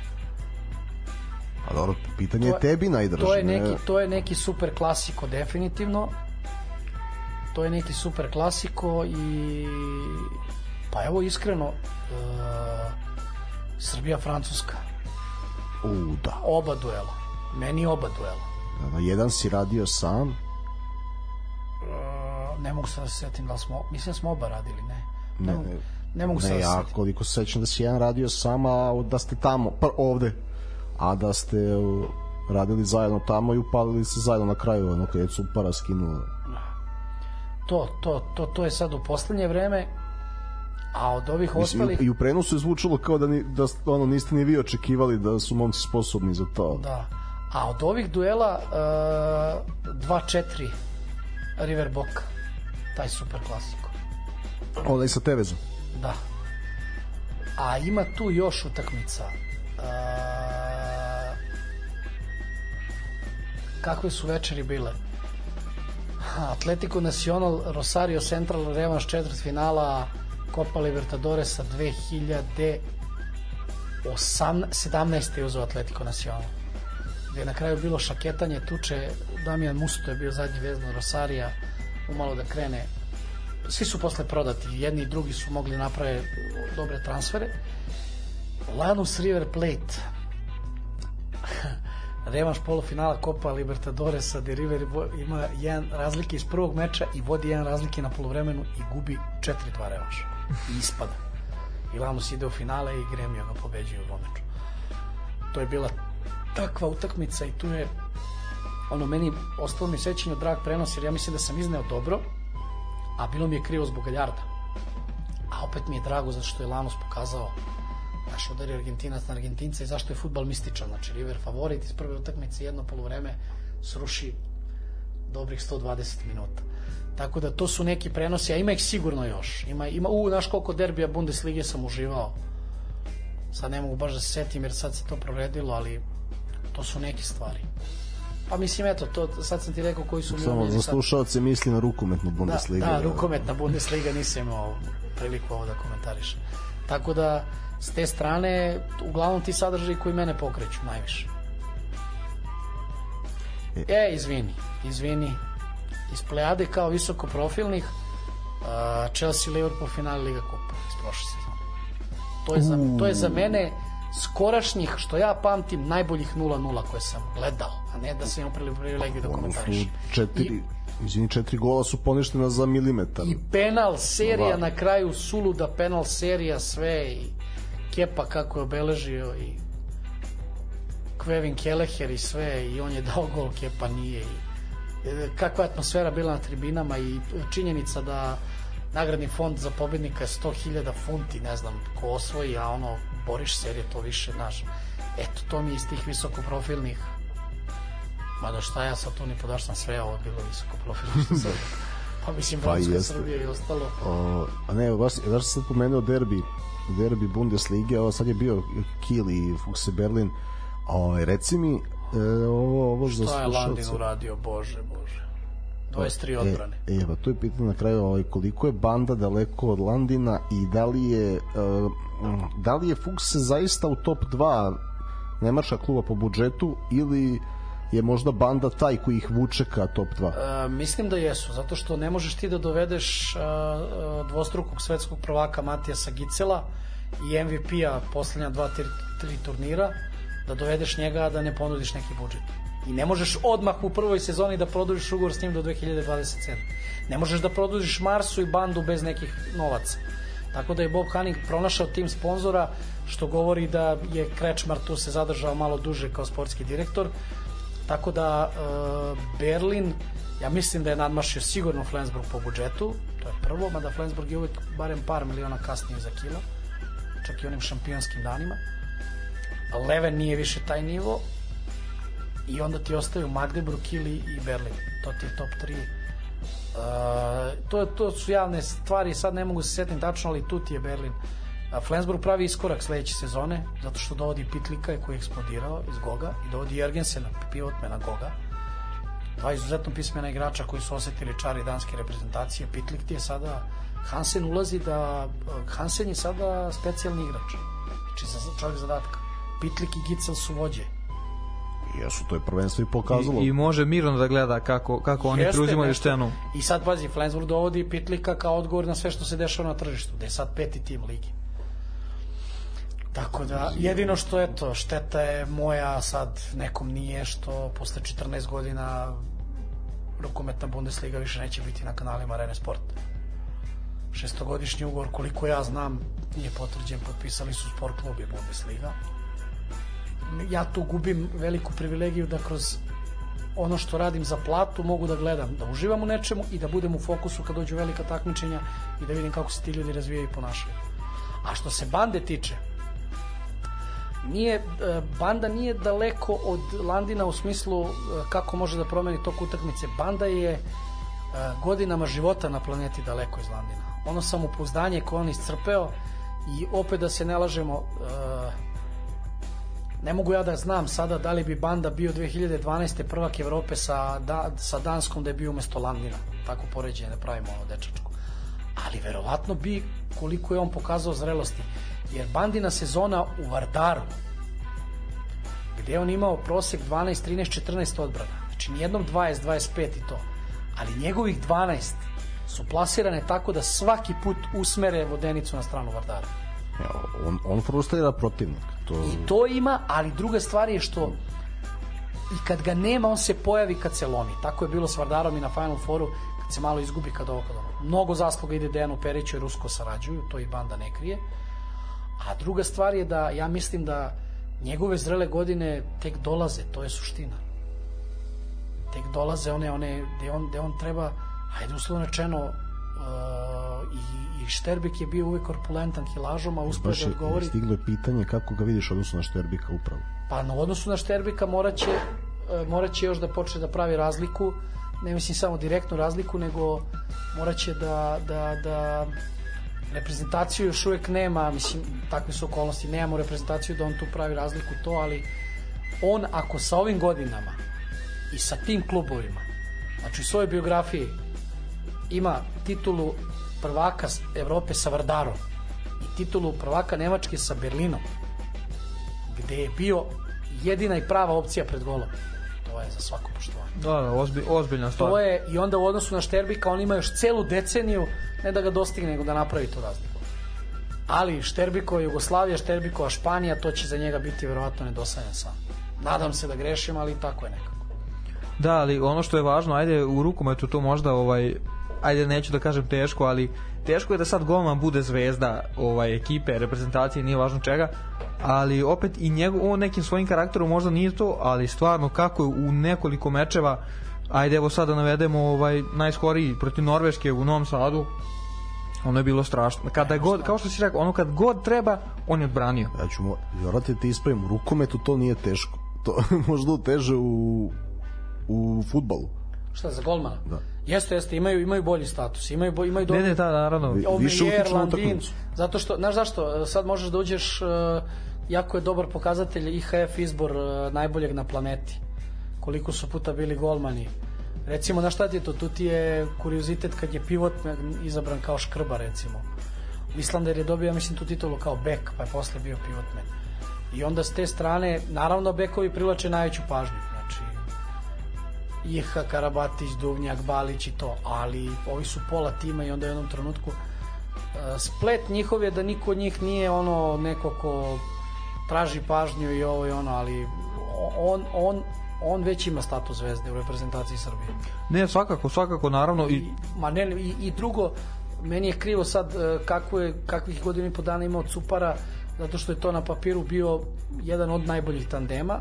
Sada po učinku i po prisutnosti nije baš tako, zato što ako pogledaš koliko Corales i De Varga znači Španiji, a koliko znači klubovima, oni su sada verovatno na najvećoj ceni. e, Cupara, Cupara i Milosavljev izvanredni golmani, ali ja mislim da jedino što im fali da bi ih sad smatrali ovaj ajde najboljim tandemom ili kako god da kada su obojica u reprezentaciji igra se velika utakmica, jednog ne ide da drugi uleti i da razbije. Što oni do sad mislim da nisu imali nisu imali to da uh jednog nikako ne ide uđe drugi razbije i mi pobedimo, to se nije dešavalo, ali Pa baš zato Španci imaju to donekle u principu, ne može uvek. Ne može uvek golman da dođe sigurica ga promeniš da da, Da. nešto. To je ono što smo pričali privatno, to, to će se možda desiti kad Supara promeni klub. Vidjet ćemo sada kako stoje stvari, ima još godinu dana sa Vespremom. E, Dinamo iz Bukurešta, ozbiljna sredstva, ozbiljan projekat. Tu će biti još dobrih igrača, Ćaju Paskval nastavlja da radi, napravljen je dugoročni plan, njemu je data uloga selektora Rumunije. Uh, Rumuni traže onu staru slavu kad je bio onaj prelaz sa, sa, sa rukometa na otvorenom u dvoranski sport. Daleko su od toga, negde mi je šteta zašto su oni plodonosno tle za to, za, za, za ta građa i to mogu da daju igrače. Žao mi što nema Rusa na sceni, ali Cupara može e, mnogo i on je dečko to zaslužio svojim radom i trudom jer je stalno bio uzlazna putanja. Evo sad si pomenuo Dinamo Bukurešt, pitanje s moje strane, a, u ovom prozoru u kojem nije bilo Đorđića, nekako se, sad se već Lazar Kukić nametnuo kao vođa ove reprezentacije. I to je dobro zbog pozicije na kojoj igra. Srednji bek i srednji bek, realno. E, da li je on vođa i u Dinamo iz Bukurešta, za nas koji ne pratimo toliko rukometnu ligu šampiona, e, znam da si govorio i u prenosima i to da mu znači što što igra, što je napravio iskorak s Lige Evrope kad Lige šampiona, da li je on i tamo vođa kao što je u reprezentaciji i ako nije još, da li je to možda plan nekog tog projekta koji najavljuješ sa ulaganjem? Pa nije to baš u toj meri tako i možda ne treba praviti takvu konstelaciju zato što španski treneri mnogo veruju u sistem rotacije. Tako je i pored toga da Kukić kako god da ima ulogu negde se mora naći minutaža za Dodića u reprezentaciji. Tako i Čavi Pascual reaguje Dinamo iz Bukurešta. Da Silva je njegova alternativa i taj Brazilac nije toliko afirmisan i ne može da pruži koliko i Kukić. I s te strane Kukić kao srednji bek jeste numero uno, broj 1 i ne mogu da kažem da je vođa zato što tamo ima iskusnih igrača bekova od kojih se mnogo očekuje u šutu Ali Zeyn je Egipćanin koji ne ulazi kao starter ali tu je. Kuduz je Hrvat e, jako loše bio Dinamo iz Bukurešta protiv Kila i onda je tu nezahvalno pričati o tome kome koji ide uloga. Zatajili su im golmani i oni su bili baš loši. Kukić nije imao dobro prvo polovreme u drugom polovremenu rukomet nije bio rukomet gde treba da sudiš kvalitet nego je bilo odrađivanje posla jurnjava. 22-19 završeno drugo polovreme, tako da suština priče je da slične su mu uloge. startni je srednji bek i u principu e, kad Čavi Pascual provodi sistem rotacije on će ga izvući a inače će ga vaditi u važnim mečima samo ako mu ne ide. Tako da e, doći će do balansa koliko je važan za klub i za reprezentaciju vrlo brzo. To je moje mišljenje. I on jeste neko ko je projektovan. E, ja ne mogu da se setim da li je potpisao dvogodišnji ugovor i kako ga oni vide tamo ali on jeste neko ko je projektovan da bude tu zato što imaće sa Srbijom to što ima i onda na nivou kluba on može samo da ide gore, da raste. I u oba slučaja mu je trener Španac. Da, da, da, da. Opet je usavršio još jedan trener, još jedan sistem Španca i tako dalje. I bilo je dosta polemika zato što Benfica kao isto pravi projekat i to da li je njemu rano, nije rano ništa zato što on mora da igra uh, ligu šampiona. On Mora da vidi šta je kada se desi kada njegova ekipa e, nema dobar dan golmana, a uragan kill sa druge strane. Znači, on bez tih utakmica neće moći da napravi. To, to je to ono što je posle dužeg vremena imamo dva srednja beka u ligu šampiona mislim da je to veoma bitno za reprezentaciju E, da li je to što smo pričali, sad smo najavili neki cuparin transfer promjenu kluba, da li se očekuje da još neki od naših reprezentativaca zaigra u Ligi šampiona uskoro? A, ja koliko znam, Vukašin Vorkapić je dugo u Ivriju, ne u Ivriju, nego dugo na meti francuskih klubova. I njega prate svi ti veći klubovi. Sad šta će biti ne znam. To je jedna strana.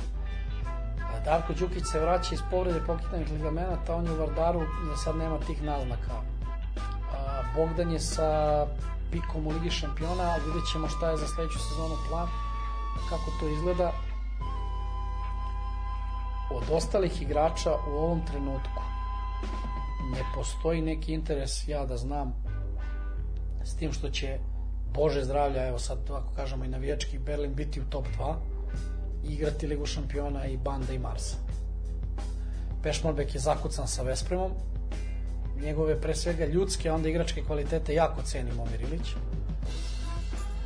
Dolaziš do toga da će ti onda neki nukleus po, po, po vertikali srednji bekovi, pivotni golmani biti Ligi šampiona. Što je jako bitno. E sad, bilo bi dobro da imaš dva visokoprofilna beka šutera ili neko ko će biti tu da stiče iskustvo s polja, ali ok, mi sad kuburimo i sa bekovima koji mogu da daju napadu, a da odigraju odbrani dobro. Ali menjat će se to. Međutim, sada nekih upečatljivih transfera za sada nema. Mnogo je manje interesovanje srpskih igrača, mada ovi su preko dokazani, ali kažem generalno iz Bundeslige i to Jovica je presedan. Tako da a, zatvorena je Liga šampiona, mislim da će ona da se opet širi, sve to ide, promenja se i to i onda vjerojatno će se povećati broj igrača. Ali ovo ti je trenutno, ovo je trenutno. To je, spomenuo si Vukašina Vorkapića, e, ovako laički, mene ono što on radi e, u rukometnoj reprezentaciji podsjeća na ono što je Pefi Marković radio u košarkaškoj.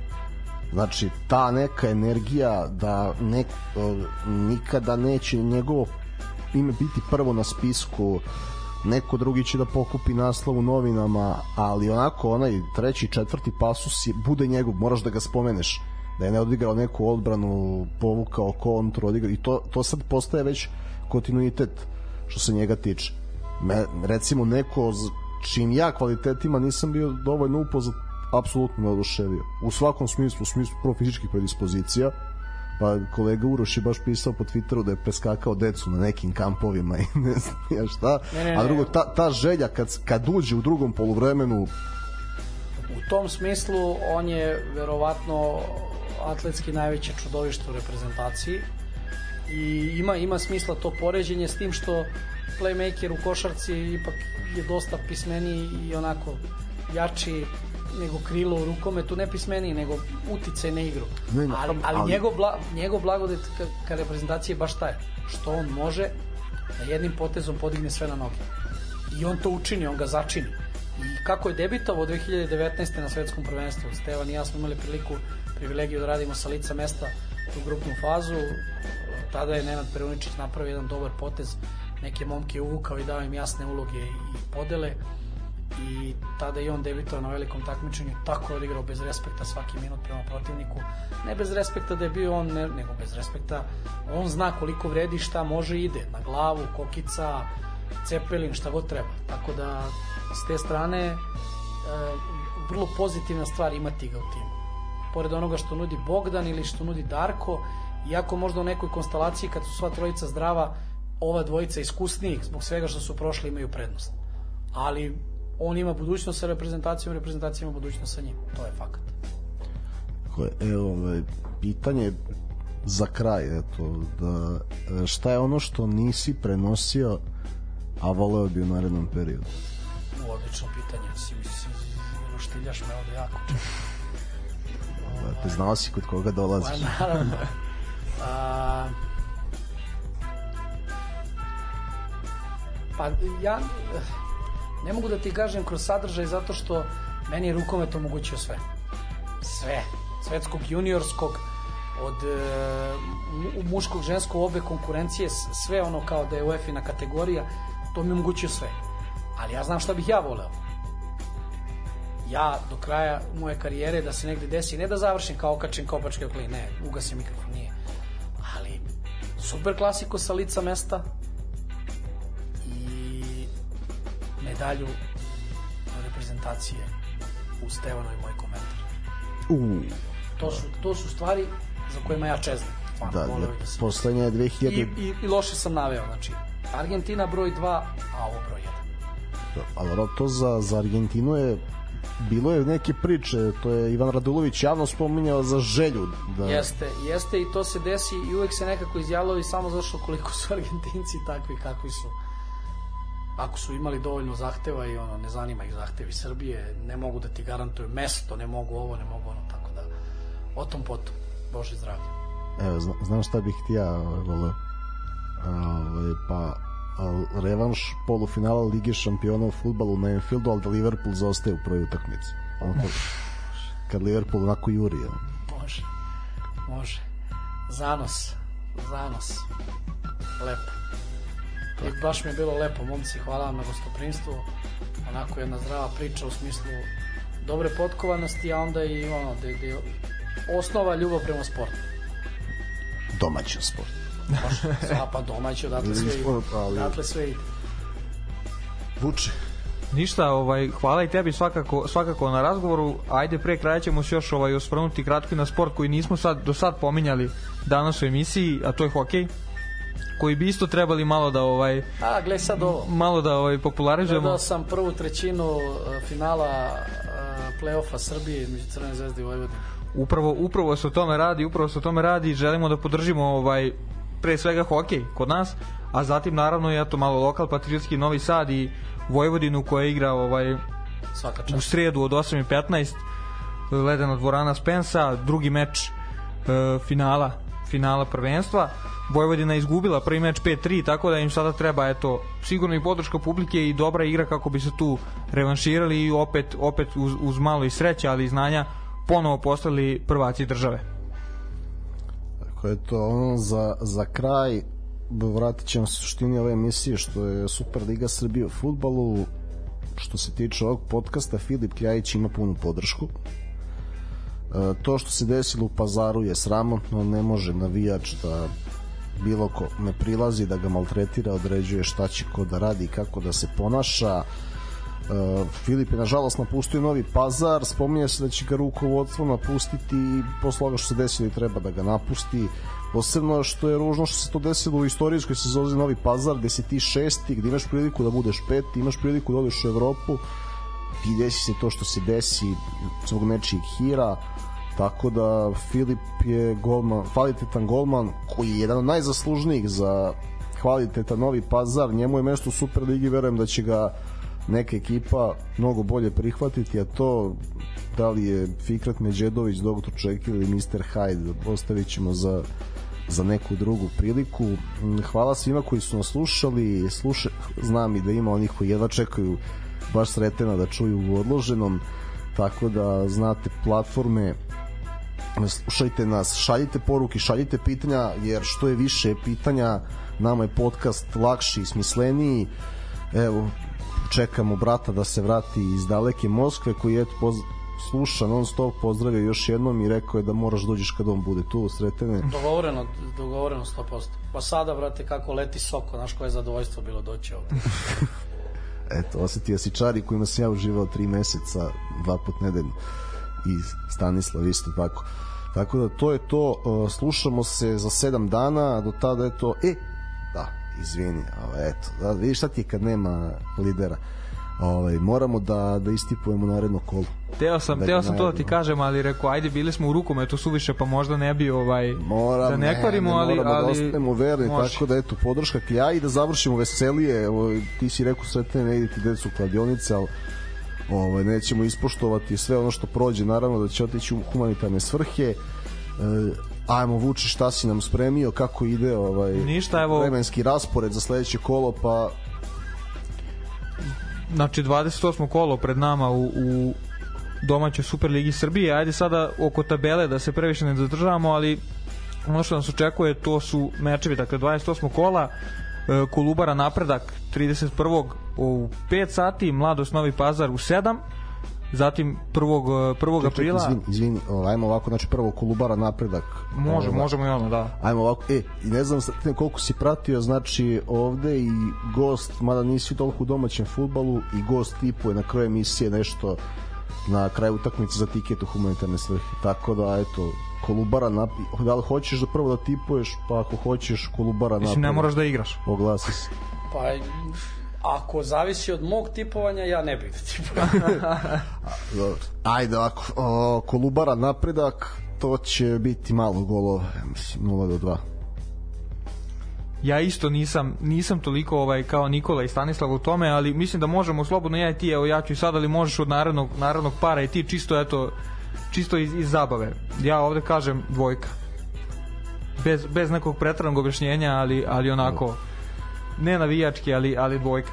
U narednom kolu u, pardon, naredni par e, Mlado Slučani Novi Pazar u 7 takođe 31. Šta bi, šta bi ti rekao? Čika Miša protiv bivšeg kluba. A to mora da ide kec, to mora da ide. Čika Miša je i, i Zvezdu pobeđivao s Novim pazarom kad je Ljuk, ta, tako da ja očekujem kec. Sretan, ne, neki komentar, nešto? Više golova drugo polovreme.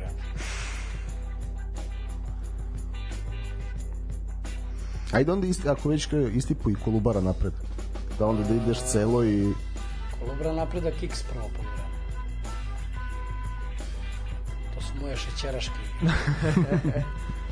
Ništa, ja ću, ja ću za ovo reći ovaj, isto dvojka.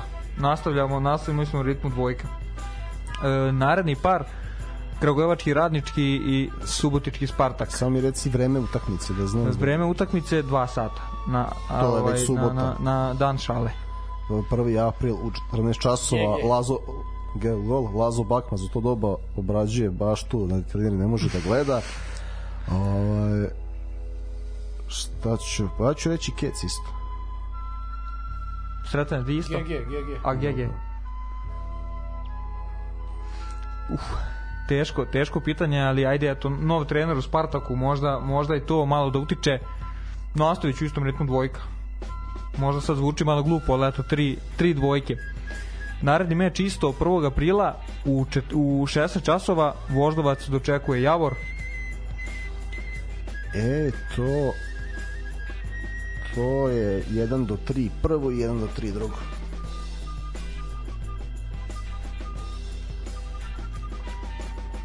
Kec. kao i sreten eto uz, uz brata jezdu kec e,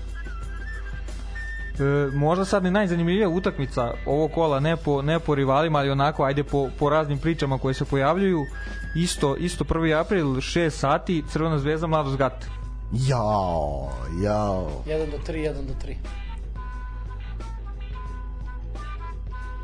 Nikola O, Kec i domaćin daje 3 ili više. X2 pa šta bude bude nikad se ne zna O, to si, Sjetimo to- se Partizana. To, jel to s tim dvojkama, jel to evociranje uspomena na neku matematiku, fiziku i škole, ili nešto? ima, ima i toga, ima i tu ovaj toga, ali navijam za zvezdu, ali ako je mogla Mladost Grad da pobedi Partizana 4-0, zašto, zašto da ovaj isto ta ekipa još sad sa Laletom ne, ne uradi nešto i, i ajde rećemo novom šampionu, novom starom šampionu.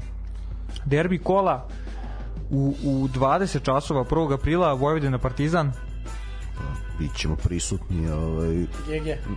danas i GG isto ovaj ja, ja očekujem dvojku mislim da ovo što je dulje ima pauzu da ćemo dobro doći Tjec patriotski lokal patriotski e, vodit ćete lazom Pre- pretposlednji meč u 28. kola Radnik Surdulica TSC Bačka Topola 2. aprila u 4 dvojka Kokuća, jeli? Dvojka. Nikola? Dvojka i 2 plus. Čekaj, Gost a- 2 plus, kako god hoćeš. čekaj, čekaj, izvini nešto, iz, bio si se na moment, ovaj, ponovi mi par E, radnik TSC. radnik TSC mm, 1 do 3 prvo, 1 do 3 drugo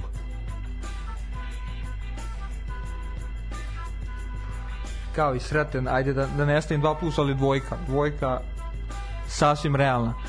I poslednji par u 6 sati radnički niz Čukarički. Pazi, e, to mi je više golova drugo Više golova drugo. Više golova drugo iz nekog opreza. Isto. E, Čisto, to čisto da- ovaj, da, da ne strčim. Šta, ovaj, eto, to je bilo to evo za kraj. Uh, kaže Nikola Delić, tvoj i kolega, pozdrav za ekipu i sretena od Đoleta, Bože Miljana i meni. Negde su se sastavili. Lepo, veliki pozdrav. Tako da evo, da, evo ja i Gvero je poslao poruku tako da momci sledeći put od početka se uključite i servirajte nam malo neka pitanja, znamo da umete o, e sad, sad bi to zaista bilo to ispoštovali smo sve protokole Ne idite u kladionicu. Sretne, hvala ti puno što si došao Hvala vama, bilo je uživanje. ovaj, tako je bilo je samo potrebno jednom da osjetiš čar i sokola sad ovaj, verujem da da Ovo se, sad ću na sladoled u Novi Sad. Šalim se. sad ga se Imam nećemo šećer, tarasiti. jedno šest meseci neću. Tako da, to bi bilo to. Ovaj, mi se slušamo za 7 dana. Vuk i ja smo tu. Za sad nema najave da li će biti gostu ili neće. Ovaj, tako da dok je Stanislav na frontu u hladnoj Moskvi, šta kažem, uživajte uz sportski pozdrav. Prijetno.